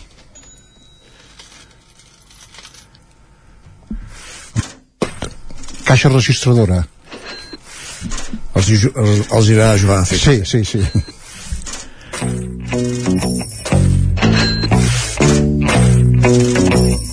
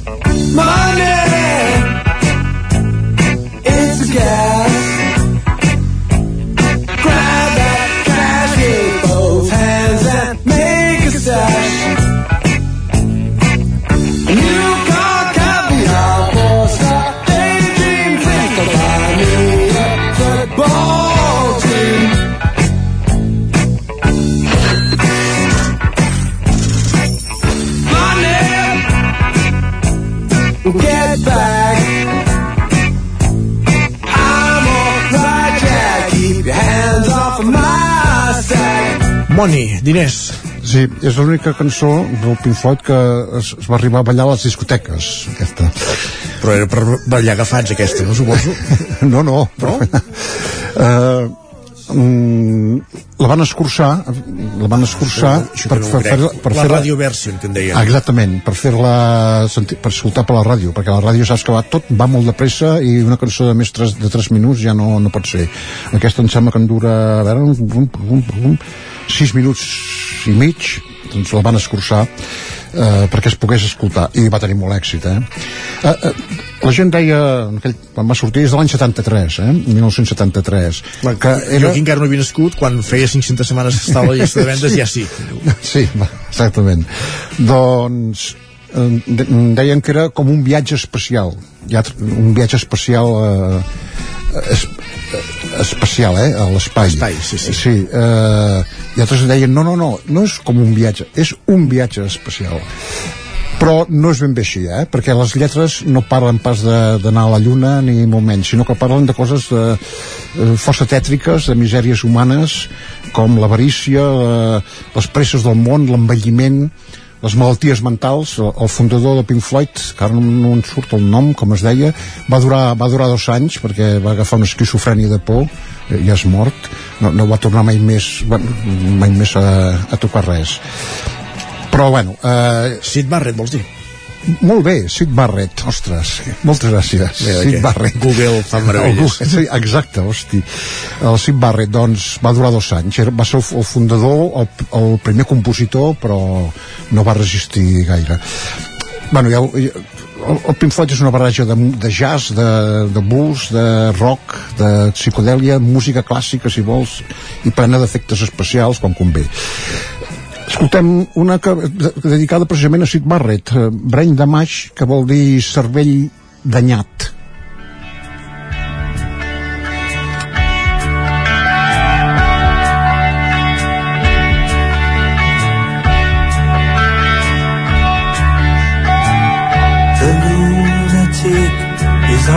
Grass. The lunatic on the grass. Remembering games and daisy chains and laughs. Got to keep the loonies on the path. The lunatic is in the hall. The lunatics are in my hall. The paper holds their folded faces to the floor. And every day the paper boy brings more.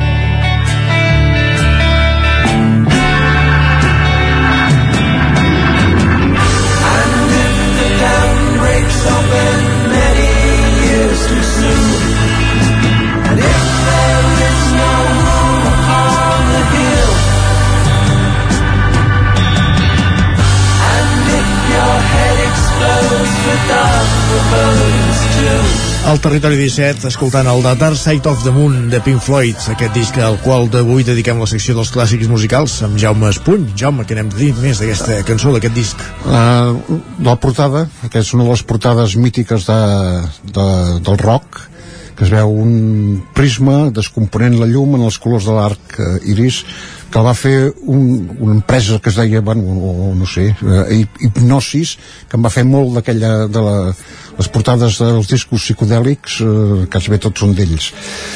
I per primera vegada en el Pink Floyd, ja ho hem pogut escoltar, hi ha noies cantant, ho van fent els cors, que, Mhm. que quedava molt bé. Uh, Encara que l'Urri no li agradés, eh? No, exacte. doncs aquí, aquí sí. Veig que vaig fent els deures. Veus que... Um, ja, ja sabem bueno, que Pink Floyd ja no existeix. Um, queden Roger Waters i David Gilmour que eren els dos factòtums que, que fan concerts o graven algun disc en solitari però Pink Floyd després del The Wall l'any 79 el mur doncs va ja es va acabar Pink Floyd pràcticament. Ens acomidem amb una d'aquestes que jo dic que s'ha d'escoltar per a la matinada Us Them amb això ens, ens acomidem Doncs Jaume, hi tornem divendres vinent. exacte Bona castanyada. aquí escoltarem també sentirem em sembla el, un saxo que és d'en Dick Perry que era molt bo doncs Pink Floyd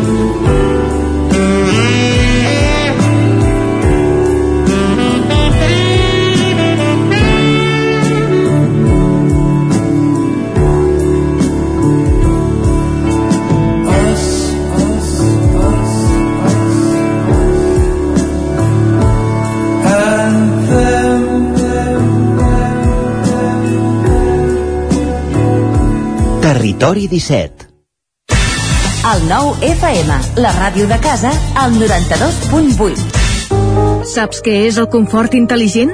És tenir un terra radiant Giacomini a casa. Benestar que no es veu, però es nota tot l'any. I que pots controlar a distància des del teu mòbil, estalviant energia i diners. Suma't al confort intel·ligent amb Giacomini. Informa't a giacomini.es o truca al 93 884 1001 i t'ajudarem a tenir un terra radiant a casa o a l'oficina. Giacomini, la climatització que et mereixes. A la llibreria Mater hi trobaràs material escolar i d'escriptori, llibres, revistes i el millor regal. T'esperem amb una gran varietat de novel·les, llibres d'assaig, poesia, contes i moltes novetats editorials. I per anar ben equipat a l'escola tenim motxilles, estoig, carpetes, llibretes, bolígrafs i molt més. Recorda que amb la targeta client tens descomptes. Mater, llibreters amb vocació des de 1957. Llibreria Mater. Ens trobaràs al carrer Pla de Balanyà número 23 de Vic i a mater.cat. Tenim quaderns de vacances i les novetats amb motxilles i estoigs de la marca Kipling. T'esperem. El racó de León. Gaudeix de la nostra terrassa. Vine a tastar les xuletilles de lechal a la brasa amb una bona amanida o el xuletón de vedella gallega. No et pots perdre el nostre lechado de Castilla al forn o el cochinillo a l'estil de Segovia. Tot acompanyat del millor celler, al menjador o fora la terrassa. Descobreix la millor cuina de Lleó sense moure't de casa. Vine amb la família, els amics, la parella o sol. T'encantarà. El racó de León, cuina tradicional lleonesa i de mercat. Som al carrer Torelló número 35 de Vic. Per reserves, telèfon 93 889 1950. El racó de León, una cuina diferent. Som especialistes en cargols a la llauna. Vine a tastar-los al racó de León. A Corretja tenim tot el que necessites per la teva llar. Tot tipus de paviments i revestiments, sistemes d'aïllament, cobertes, parquets, aixetes, ferreteria, pintures, fixació i cargoleria, vestuari i material de seguretat. Disposem de més de 3.500 metres quadrats d'exposició amb una nova zona exterior d'aïllaments. A Corretja som especialistes en cuines i banys. Us assessorem, dissenyem i realitzem el projecte des de l'inici fins a la fi del muntatge. 100% cuines, 100% banys. Al carrer Mas Vigues 8 de Vic, a corretja-sl.com o a Instagram. 100% materials per la construcció i la decoració. 100% corretja. Anuncia't al 9FM. La màquina de casa. 9 3 8 8 9 4 9 4 9 Publicitat arroba al 9FM.cat. Anuncia't al 9FM. La publicitat més eficaç. El 9FM, el 9FM, el 9FM, el 9FM. Territori 17 A Tren d'Alba. Cada dia els usuaris de la línia R3 de Rodalies que veuen sortir el sol des d'un vagó ens expliquen les gràcies i les penes del primer comboi que uneix Ripoll i Barcelona. Benvinguts a Tren d'Alba. Avui només us vull recordar que el pròxim dimecres a dos quarts de sis de la tarda a la sala Marià Vila de Badal de l'edifici del Sucre de Vic s'hi farà la quarta sessió de la taula de mobilitat d'Osona amb un repàs de les sessions anteriors i la presentació del bicibús. Les inscripcions s'han de fer a través de correu electrònic a nmorac.ccosona.cat. Ja us deixo amb la crònica d'en Carles Bassaganya, que segur que esteu desitjant escoltar-lo. Bon dia, oients.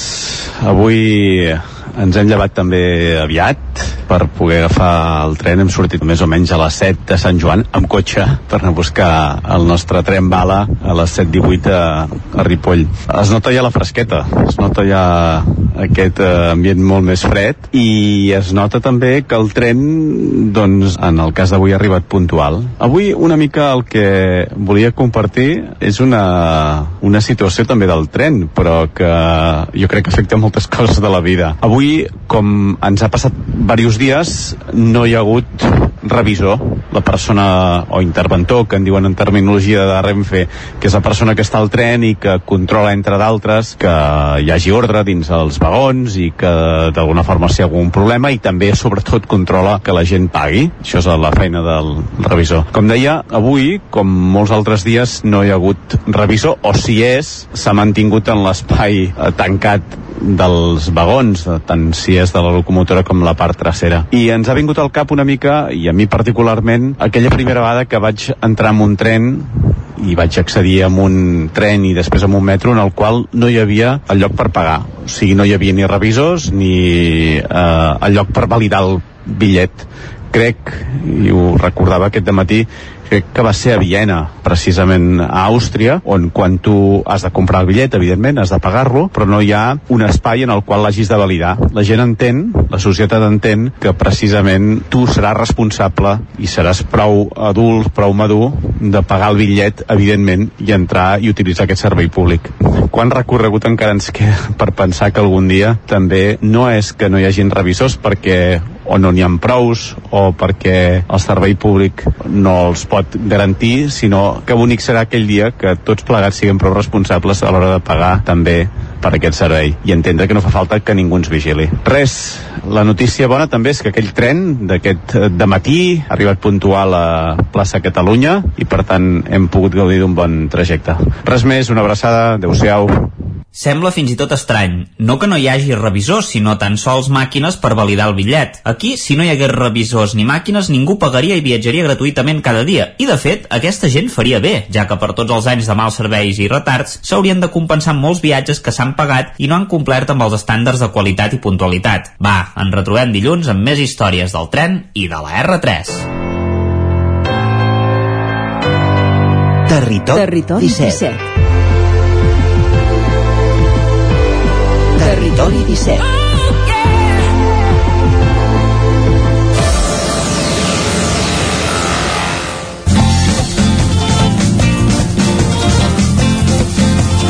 Passen 3 minuts i mig de dos quarts de 12 amb l'Isaac i amb l'R3 ens hi retrobarem dimarts, com amb tot el territori 17, perquè, val a dir-ho, dilluns tots sants, no farem programa, però sí que hi tornarem el dia 2 de novembre, dimarts, puntualment a les 9 del matí.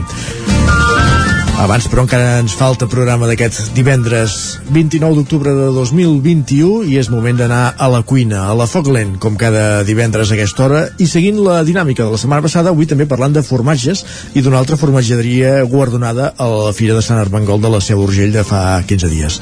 Avui, en Gaspar Tarrida, eh, parla amb la Marina Puigcorbé de Mas, el lletrer de les Llosses. Endavant, Gaspar, bon dia. Som aquí a l'aula d'hostaleria del Ripollès, una altra vegada amb la secció de la Foc Lent. Com sempre tenim en David Sangles, professor especialista aquí a l'aula, i aquesta setmana tenim una convidada especial. Tenim a la Marina Puigcorbé, de Mas el Lleder, perquè doncs, va guanyar un premi ara fa apenes 15 dies, eh? doncs una medalla d'or a la fira de, de Sant Armengol ai que no em sortia de Sant Armengol de la Seu d'Urgell és un premi important, oi que sí Marina? Estàs contenta? Molt, molt contenta, la veritat, sí, sí Home, doncs eh, no ho he dit la categoria de la llet de vaca quallada enzimàtica què vol dir això? i com es diu el formatge amb el qual veu guanyar? El formatge és el coll senyorit i el coll senyorit és un formatge de, de crosta rentada és un formatge molt molt cremós uh -huh. i l'elaboració enzimàtica és a dir, els formatges doncs hi ha dues maneres més o menys de fer-los, dos branques principals i l'enzimàtic seria que tu afegeixes uns enzims al formatge perquè eh, treballin i perquè quan hi ha el formatge doncs, bueno, uh -huh. segons els enzims que tu li poses uh -huh. i en aquest cas doncs, aquest formatge doncs, eh, bueno, va rebre la medalla d'or en aquesta categoria uh -huh perquè vosaltres, bueno, tu David intervens quan et sembli, eh? però jo li demano una altra cosa eh, no era la primera vegada que hi anàveu com a Mas al Lleder a aquesta fira de Sant Armengol no, uh, fa 27 anys bé, va començar el meu pare uh, ah. jo em fa 17 crec que hi vaig o sigui, totes, totes i les, totes les, la, totes, totes les, les edicions, edicions sí, sí, no ens n'hem saltat cap mira, malauradament la de l'any passat uh, va ser bueno, l'única que es va, va deixar de fer i uh -huh. el vam trobar a faltar molt però perquè és una fira que eh, posa el mica punt de partida de l'any del, del món dels, dels formatges uh Mhm. -huh. i, i no, no, intentem doncs, cada any doncs, poder-hi ser Home, és una fira molt reconeguda, és una fira transfronterera, no? Uh -huh. És la Mhm. fira de formatges de, dels Pirineus, tant de la vessant catalana, uh -huh. la Mhm. vessant eh, basca o d'Euskal Herria i la part francesa, no? Vull dir que és un concurs eh, amb, amb solera, no? No és un concurs d'anar formada, sinó que és, és aquell concurs una mica de referència experiència en què tothom, els experts formatger miren i, i es prenen Mhm. en, en valor doncs més mèrit encara Home. rebre medalles així que tampoc és, la, és el primer pre premi que obteneu que, obtin, que obteniu, vaja a, a la Eh, fira de... Sí, no, el que passa que ara portàvem això dos anys que no havíem tingut cap reconeixement, Mm. uh, però sí que amb altres formatges com el to de Matamala, amb el Mató, amb el Bac, havíem tingut el, alguna medalla. Però crec que medalla d'or és la primera medalla d'or que, que obtenim. Molt bé, doncs moltes felicitats. Gràcies. A més, és, és el- l'últim formatge que ha arribat a, a la formatgeria, no? És l'última... Sí, és, eh, sí, de fet aquest formatge, o sigui, a mi, jo sóc molt amant dels formatges que són cremosos uh, i són més aviat suaus, tot i que també m'agrada el formatge fort, però mm, crec que tu fas el producte que, que t'agrada, no? I aquest el vam treure, uh, vam començar a elaborar-lo entre octubre i novembre vam començar a fer les proves i els primers que van sortir eren al desembre de l'any passat en ple confinament aquí al Ripollès que van marxar tots per, bueno, Mhm. per uh, via web cap a tot Mhm. Catalunya Molt bé. Perquè explica'ns alguna cosa de Mas al Lleter, pel qui no us conegui. Sou a les Lloses? Explica'ns. Sí, explica'ns. uh, som una petita uh, granja familiar que, bueno, juntament amb els meus pares i llavors doncs, tinc dues persones més que m'ajuden, el Pedro i la Sandra que elaborem, bueno, tenim un ramat de vaques un petit ramat de vaques, ara mateix una quarantena de vaques tenim porcs com fem el cicle tancat i a més a més tenim cabres que són les jardineres de, de casa, Mhm. diguéssim ens ajuden a mantenir els boscos nets Mhm. Llavors, a partir d'aquests animals, doncs nosaltres eh, tanquem cicles de tot. Eh, elaborem làctics, eh, elaborem carn i també, eh, en el cas de les cabres, el cabrit, perquè no, no, no obtenim llet, diguéssim. No. Mhm. Ja són les, les que ens ajuden a, a deforestar el bosc, diguéssim, per tal de que les vaques també puguin accedir i menjar sota bosc. I a partir d'aquí nosaltres el que fem és comercialitzar el producte a Ripollès i Berguedà i arrel del confinament doncs, vam poder, eh, a través de la pàgina web doncs, vam poder vendre a tot Catalunya diguéssim a particulars a tot Catalunya Sí, perquè bàsicament la vostra venda era molt comarcal, no? Sí. Sou presents a tota la botiga i botigueta i restaurant de, de la comarca, això ho podeu veure. Si, si veniu a dinar per la comarca sempre hi ha qui, Hi ha qui us algun hi iogurt de llebrer, sí. algun iogurt o, o, o porc, no? Vull dir que, sí, sí. que teníeu un àmbit molt, molt local uh Mhm. -huh. i des del confinament sou els primers que us vau posar molt les piles Allò, a través de sí. xarxes socials i de fet la meva germana va obrir compte a Twitter i llavors va ser com va sortir o sigui, vam accedir al públic que li interessava aquest tipus de producte Mhm. i com que la gent va començar a demanar on podem trobar el vostre producte, on podem trobar i evidentment la gent no es podia moure Eh, doncs arrel d'això vam, ja tenim la pàgina web de feia anys però vam posar-hi la botiga online i llavors vam trobar un parell d'empreses petitones que distribuïen en fred a tot Catalunya ens hem posat en contacte amb elles i vam poder arribar a les cases de tot Catalunya i funcionaven bé, jo dic, perquè Sí. durant els mesos de confinament dur jo vaig fer alguna comanda i, Sí. i, i arribaven, eh? Arribava. I, i s'agraïa molt. I, no, i nosaltres encara més, perquè clar, evidentment si nosaltres que el 80% del nostre client és restauració, ens hem quedat a, a zero, vull dir, Clar. tant, les vaques continuaven fent llet, els porcs continuaven creixent i nosaltres havíem de fer alguna cosa amb el producte. I el fet de poder arribar també al particular i gent que potser no ens coneixia, doncs ens ajuda molt a poder almenys arribar fins al moment que vam tornar a obrir eh, de manera normal als restaurants i boti- i botigues. La compra per internet no té aquestes dicotomies. No, es pot comprar per internet sense comprar a Amazon, no? Vull dir Exacte. Que, que és, Oh, sí. és, és, una gran plataforma també per, per als petits productors Sí. i Sí. hauria de ser una gran plataforma Mhm. d'ajuda als petits De fet, productors. eh, vosaltres pertanyeu a l'associació de producte del Ripollès des del primer dia, no? Tu també n'has estat implicada, no? Sí. Molt implicada i, i clar, i poder fer venda directa doncs és, és, el, és el més important, no? I una cosa molt important és que molta, molta gent, en particulars, ens deia, ostres, diu, és que tenim productors molt a prop Mhm. que no ho sabíem. Ja. I va ser una manera molt fàcil de poder arribar a les cases de gent que no ens coneixia. I llavors intentem una mica, per exemple, nosaltres ara el, per Nadal, l'any passat, que ens hem trobat Ripollès eh, i Cerdanya totalment Sí. confinats, per exemple, Sí. doncs eh, vam pensar, ostres, eh, nosaltres que teníem molta sortida amb les comandes i potser hi havia productors que es quedaven més encallats, vam dir, ostres, doncs intentem fer les paneres de Nadal amb Mhm. tot de producte del Ripollès per tal de poder ajudar D'acord. a, a que sortís també producte de la comarca que evidentment no era un nombre molt elevat de paneres però bueno, amb la intenció aquesta de poder ajudar amb el tema de la marca de garantia Molt i aquest bé. any doncs repetim també ara aquest cap de setmana segurament ja traurem la, les imatges de la panera però intentem també fer arribar el producte del Ripollès a tot Catalunya molt bé, molt de, de, de coll senyorit del formatge aquest premiat, ara mateix no en podem comprar no. però què podem comprar ara eh, no? qui ens estigui sentint qui s'hi va a l'ordinador què pot comprar, sí. què trobarà a la botiga del lletrer doncs bé,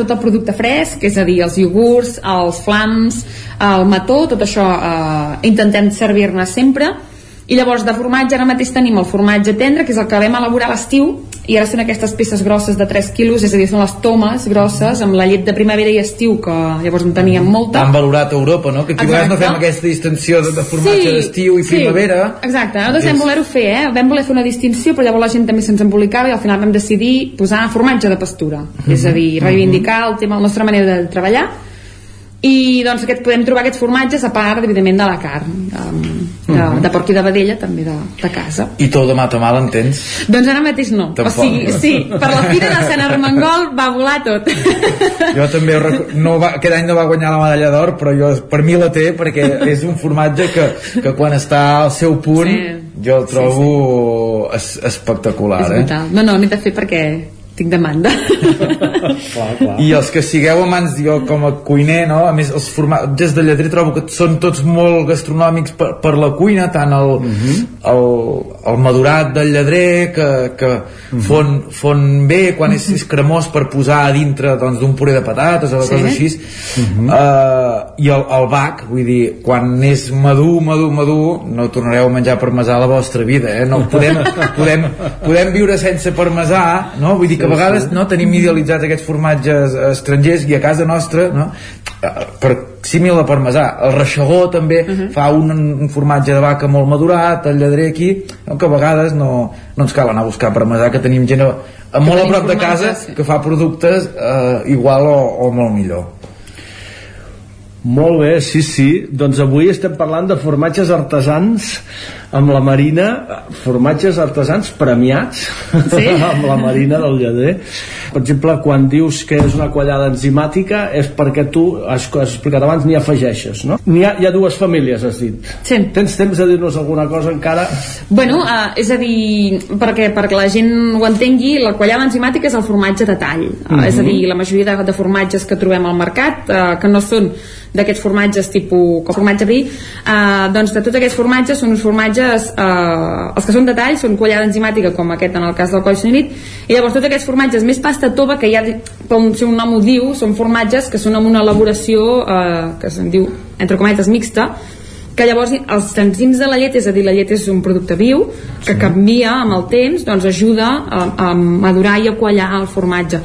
I una llet feta d'una manera, o sigui, una llet amb una alimentació a la vaca diferent, o vaca, cabra, ovella, d'una manera o d'una altra podem aconseguir un formatge amb un sabor totalment diferent. I la maduració també hi fa molt amb això. El tipus de maduració és... Eh, o sigui, un formatge elaborat de la mateixa manera, madurat amb una cava o amb una altra, pot canviar el sabor completament.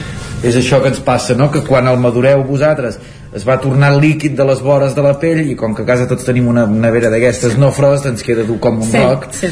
i per tant no tenim les condicions que teniu vosaltres però... amb una càmera amb, amb humitat l'haurem de convidar un altre dia I per tant. parlar una altra vegada de formatges eh? molt bé, moltes gràcies Marina a vosaltres adeu Gràcies també, doncs, Gaspar, per aquesta secció des de l'aula d'hostaleria del Ripollès, avui parlant de, de formatges per segona setmana consecutiva, a més de formatges premiats a la Fira de Sant Armengol de, de la Seu d'Urgell, la setmana passada amb Reixegó, aquesta setmana amb el Mas del Lledrer. Continua el territori 17 i ara sí que ja encarem el, el, la recta final. Territori 17 el 9 FM, la veu de Sant Joan, Ona Codinenca, Ràdio Cardedeu, Territori 17.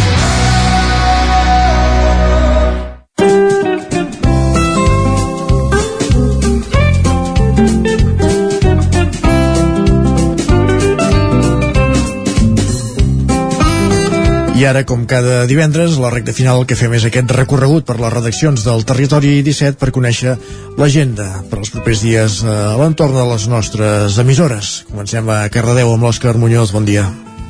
Doncs cap de setmana mogut a Cardedeu, especialment pel Cardo Terror, i comentem que dissabte i diumenge eh, de a partir de les 10 del matí fins les 10 de la nit hi haurà el setè mercat del cinema on dissabte al matí es farà una inauguració del mercat amb xocolata i coca i això hi serà els dos dies on hi podem trobar des de pel·lícules, pòsters, amarretes, tot relacionat amb el món del cinema. Si no podeu anar al que fos, anem ara de Cardedeu cap a Granollers, on avui mateix, de nou, durant tot el dia, eh, hi serà el Mercat d'Artesans a la plaça de la Corona. Si no, ja demà, dissabte, al matí doncs, trobarem el mercat de productes ecològics i de proximitat amb, el, amb els pagesos i productors ecològics del territori a la plaça de la Corona al mercat de Brocantès durant tot el dia a la plaça Josep Maluquer i Salvador i els encants solidaris de l'Assemblea d'Aturats de Granollers eh, a la plaça Can Trullàs. Això només hi serà pel matí de 9 a 3. I fins aquí el repàs cultural d'aquest cap de setmana, eh, remarcat per la castanyada i doncs això, diem a tota la gent que, que si vulgui passar per al Cardo d'Error d'aquí a Caradeu, doncs que eh, s'ho passaran molt bé. Gràcies, Òscar, prenem nota. Bona castanyada a tu també. I anem de, de Cardedeu cap a Sant Feliu de Codines, als estudis d'Ona Codinenca amb la Caral Campàs. Caral, bon dia. On anem de tapes Hola, bon aquest dia. cap de setmana? Mira, de tapes en, en no gaires llocs, però No? menjar Oh. castanyes Ah, sí que podem. Important. Mira, uh, mireu, al, al Moianès, uh, a diverses poblacions, per no dir a totes, um, se celebra la castanyada i us en comento algunes. Per exemple, a Castellcí, aquest diumenge es celebrarà la castanyada a dos quarts de vuit a la plaça de l'Era.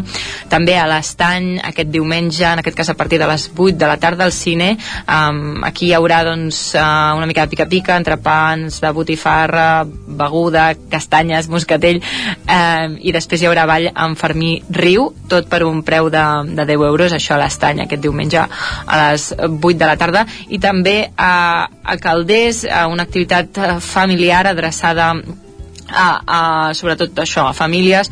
Um, es celebra la festa de la castanyada a l'escola Anton Busquets una festa oberta amb l'actuació d'Albert Vinyes. Um, després també us comento uh, al Moianès uh, tenim les passejades tramantinaires. Aquest diumenge a Granera de les 11 del matí a la 1 del migdia es farà un taller de plantes medicinals receptes i una passejada per diversos indrets, indrets perdó, de Granera. Hem, de, hem descobert fa poc que és una activitat organitzada per Nona Arola la presidenta de les Joventuts Musicals del Moianès. Um, qui que dimecres. Uh -huh, i vam parlar amb ella i bé, també organitza doncs, aquestes passejades a Granera uh, gairebé cada cap de setmana i me'n vaig eh, del Moianès cap a Sant Feliu de Codines amb tres activitats. Una és eh, més aviat esportiva. Aquest eh, diumenge s'organitza la 38a caminada codinenca eh, una caminada d'uns 15 quilòmetres que es pot fer caminant o corrent i hi haurà avituallaments al llarg del recorregut i se sortirà eh, de les 7 del matí a la plaça Josep Humbert Ventura Després us comento, eh, segueix el cicle de conferències de tardor organitzat entre la Biblioteca Joan Petit i Aguilar i el Museu Municipal i en aquest cas avui mateix a dos quarts de vuit del vespre Francesc Garriga oferirà una conferència per parlar de l'estandard de l'Orfeó Feliuà d'Antoni Gaudí. I finalment acabo aquí a Sant Feliu amb una proposta ja més de Halloween. Uh, no sé si ets tu de celebrar el Halloween, No massa, però... vaja. Més de No castanyada. gaire. més de cast... Sí. Jo sóc més la PCR, que dèiem l'altre dia. Panellets, castanyes i ratafia. jo, doncs jo igual, jo igual, però, però bé, uh, sobretot amb el jovent uh, Sí, sí, és el que es porta. Els, Sí, sí. És el que es porta, exacte. Doncs uh, mireu, uh, tant avui com demà com diumenge s'ha organitzat un túnel del terror a, al costat de la llibreria a la plaça Josep Humbert Ventura d'aquí Sant Feliu. Uh, la crida és vine a viure una estona terrorífica al manicomi del terror uh, i hi haurà doncs uh, avui, demà i demà passat uh, i s'hi podrà entrar hi haurà per nens petits que serà de, de 6 a 9 i per adults que serà de 9 a 12 a més a més paral·lelament també hi haurà venda de castanyes i moniatos i tot això organitza la classe de sisè de l'escola FEDAC de Sant Feliu de Codines. Gràcies, Caral, doncs bona castanyada. Bona castanyada Parlem també a vosaltres. Que, igualment, parlem la setmana que ve i anem cap a la veu de Sant Joan amb l'Isaac Muntades. Bon dia. Bon dia, Isaac. Com ho tenim, això? Don- Hi ha moltes castanyades Don- al Ripollès? Sí, sí, hi ha castanyades i, i també hi ha molt de Halloween, però segurament l'activitat més destacada aquest cap de setmana no té res a veure amb una cosa ni amb l'altra, que és el Pyrenees Mountain Festival, que celebra la seva primera edició a Camprodon eh, doncs, demà i demà passat i cada, eh, cada un dels dos dies hi ha un munt d'activitats al llarg de tot aquest cap de setmana o sigui que us en resumiré les més destacades perquè n'hi ha moltes, eh? dissabte les activitats començaran a les 9 del matí i destaca la taula rodona de tècnics esportius en muntanya mitjana i la de trail runners que es farà entre 3 quarts de 3 i 3 quarts de 4 eh, de la tarda per exemple entre els trail runners hi ha Gerard Martínez, Anna Capdevila uh, Marc Solà o, o Joan Reiner. Uh, també es parla doncs una taula rodona de muntanya, esport i conservació el dissabte uh, GPS, es parla de GPS també de com, de com funciona i el diumenge hi ha sortides per caminadors i per corredors en parades tècniques de les 8 del matí a dos quarts d'una i també hi ha un curs uh, per, uh, de primers auxilis de desfibriladors que també doncs, és una cosa que està bé un taller de nutrició i esports aliments per millorar doncs, el rendiment a la muntanya o Pere Rutllant doncs, que és trail runner i seleccionador català farà una, una conferència a Cal Marquès de preparació per una cursa per muntanya el diumenge eh, de 3 quarts de 6 de la tarda a 2 quarts de 7 per tant hi ha un munt d'activitats, eh? n'hi ha moltes més no, no us les resumeixo perquè no, no, no acabaríem. Eh, llavors, eh, ara sí, entrem a lo que seria la castanyada i Halloween. Comencem per Ripoll perquè el comerç eh, local organitza la Esoteric Shopping Night el dissabte és a partir de les 5 de la tarda fins a la matinada i diumenge tot el dia. Hi haurà tarotistes, vidents, clarividents parades de vendes de pedretes d'encens correfocs a càrrec dels diables de Ripoll. I si compres durant aquesta nit fas una foto i la penges a l'Instagram amb l'etiqueta Shopping Night Tube a Ripoll i l'establiment on l'has Torni, comprat torni a amb aquesta etiqueta? Sí, Shopping Night Tube Ripoll és llarga, eh, l'etiqueta Fàcil, sobretot, eh? Sí, exacte, és, és fàcil i ràpid de memoritzar, eh, com podeu Mare comprovar una mica... Sí, sí, s'han passat una mica. A més a més, has etiquetat també la Unió de Botigues i l'Ajuntament de Ripoll, eh? Llavors ja no et queda Ah, espai per fer res- per dir res més. Exacte. Si fas tot això, pot ser que guanyes un xec regal per al, al Black Friday, però bé, eh, ja veurem, no? Doncs suposo que també hi participarà bastanta gent, per tant ja, ja veurem qui seran els afortunats. Uh, Dir-vos que aquest diumenge hi haurà la festa de la tardor a Sant Joan de les Abadeses, al passeig Comte Guifré. Aquí són més de castanyada, eh, Sant Joan, perquè d'11 del matí a 2 de la tarda hi haurà, sí que hi haurà inflables i a partir de les 4 fotomentón i tallers, però durant tot el dia venda de castanyes, moniatos i productes naturals a càrrec dels alumnes eh, de quart d'ESO de l'Institut Escola eh, Mestre Andreu. En canvi, Can de Bànol són més de Halloween. Eh? Eh, viurà una nova edició del Castanyada versus Halloween, que té aquest nom. Sí que és veritat que de 6 de la tarda a les 9 hi haurà castanyada electrònica a la plaça Vall de Mos amb Castanyada Ritual Union. bé. Sí, exacte, que de fet aquí eh, poques castanyes, però sí que hi ha també una parada de castanyeres i, i moniatos a la plaça Ansel Clavé, que hi serà doncs, a, per, a la tarda, i de 4 a 6 de la tarda eh, taller de maquillatge per nens a la plaça Ansel Clavé, i tot seguit a les 5 cinema infantil de terror al Cercle Can Danolenc i pels qui no siguin tan eh, petits de dos quarts de nou del vespre fins a la matinada hi haurà cinema de terror per adults. A més a més de 5 a 7 de la tarda, túnel del terror al centre cívic amb entrades de grups de fins a 6 persones i també hi haurà un concurs fotogràfic en què s'hauran d'enviar fotografies d'un cementiri que s'ubicarà a la plaça en Cel Clavé i per tant qui les faci doncs, uh, i, i les que guanyin doncs s'emportaran uh, uns premis que s'exposaran aquestes fotografies durant la Fira de Nadal i s'escolliran per votació popular i el primer premi doncs dues entrades a Port Aventura i el segon un dinar per dues persones al Molí de Serradell i un tercer premi uh, lot de productes artesanals de Can Dànol. I per acabar res, dir-vos que també hi ha el túnel bueno, el túnel del terror, més aviat l'hotel del terror que ja us hem explicat a l'informatiu a Sant Pau de Segúries, exacte, al Molí eh, per una entrada de 5 euros que hi ha un hotel ben recreat amb biblioteca eh, habitacions, eh, el rebedor i, i un jardí fins i tot vull dir que segur que passarem por Gràcies, Isaac, bona castanyada. I Igualment. ràpidament acabem eh, la ruta als estudis del 9FM amb en Miquel R. T'hem deixat dos minuts per repassar el que hi hagi de castanyada a Osona. Miquel, bon dia. Doncs dos minuts per mi. Doncs no us parlaré tant de castanyades perquè sí que n'hi ha algunes puntuals. Per exemple, aquí eh, aquí al barri del Remei, que en fan un dissabte a la tarda, més, algunes més de barri, sinó una cita que també s'ha consolidat amb la nit aquesta la, la nit o la vigília de, de Tots Sants, que és el Ball de Bruixes de Viladrau. Uh -huh. El Ball de Bruixes de Viladrau arriba a la 24a edició, l'any passat eh, es va haver de suspendre per la pandèmia, i és aquesta recreació no, d'uns fets que es van viure al poble a principis de, del segle XVII, quan es van ajusticiar 14 dones acusades de bruixeria, i fan una recreació que ha esdevingut ja gairebé una icona per Viladrau, una representació eh, eh, així teatralitzada, eh, això se'n fan dos passes ja, ja des de fa alguns anys per, per l'èxit que, que té la proposta i es fa diumenge al vespre eh, a les 9 del vespre i a dos quarts d'onze de la nit. Per tant cita molt recomanable. Recordem que aquests dies també travessant una mica fronteres d'Osona, però dins territori lluçanès hi ha la 22a Fira de Bruixes de Sant Feliu. Eh, durant tot el cap de setmana hi ha presentacions del llibre, hi ha algunes propostes puntuals, però sobretot el dia fort serà dilluns, eh, el dia de Tots Sants pròpiament, um, amb la recreació també eh, de tot un... No, no, pròpiament no és un ball de bruixes, sinó una, escenes concretes, episodis també eh, vinculant-hi també bruixes i cabrons, eh? Molt bé. Eh, en sentit literal.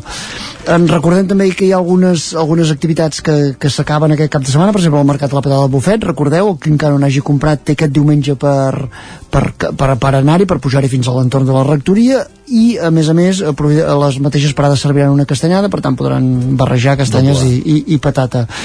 També s'acaba aquest cap de setmana el Coll Sacabra Viu. Eh, l'última població diguéssim d'aquest itinerari que ha fet el cicle s'acabarà a Tabertet val molt la pena arribar-hi si més no per pujar la tirolina que baixa per la cinglera molt espectacular però també hi ha altres actes puntuals.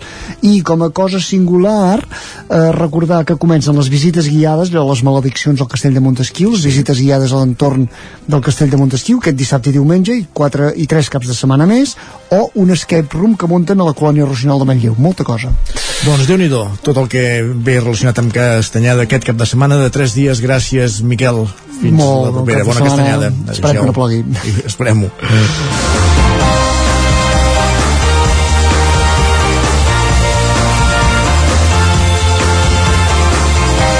I acabem aquí el territori 17 d'avui i d'aquesta setmana, un programa que hem començat a les 9 del matí, que hem fet possible des de les hores Pepa Costa, Núria Lázaro, Isaac Muntades, Guillem Sánchez, Víctor Palomar, Òscar Muñoz, Caral Campàs, Esther Rovira, Jaume Espuny, Gaspar Tarrida, Miquel R, Jordi Sunyer i Isaac Moreno. I tornem dimarts a les 9 a la mateixa hora. Que vagi molt bé aquest cap de setmana llarg de Castanyada. Bona Castanyada a tothom. Adéu-siau.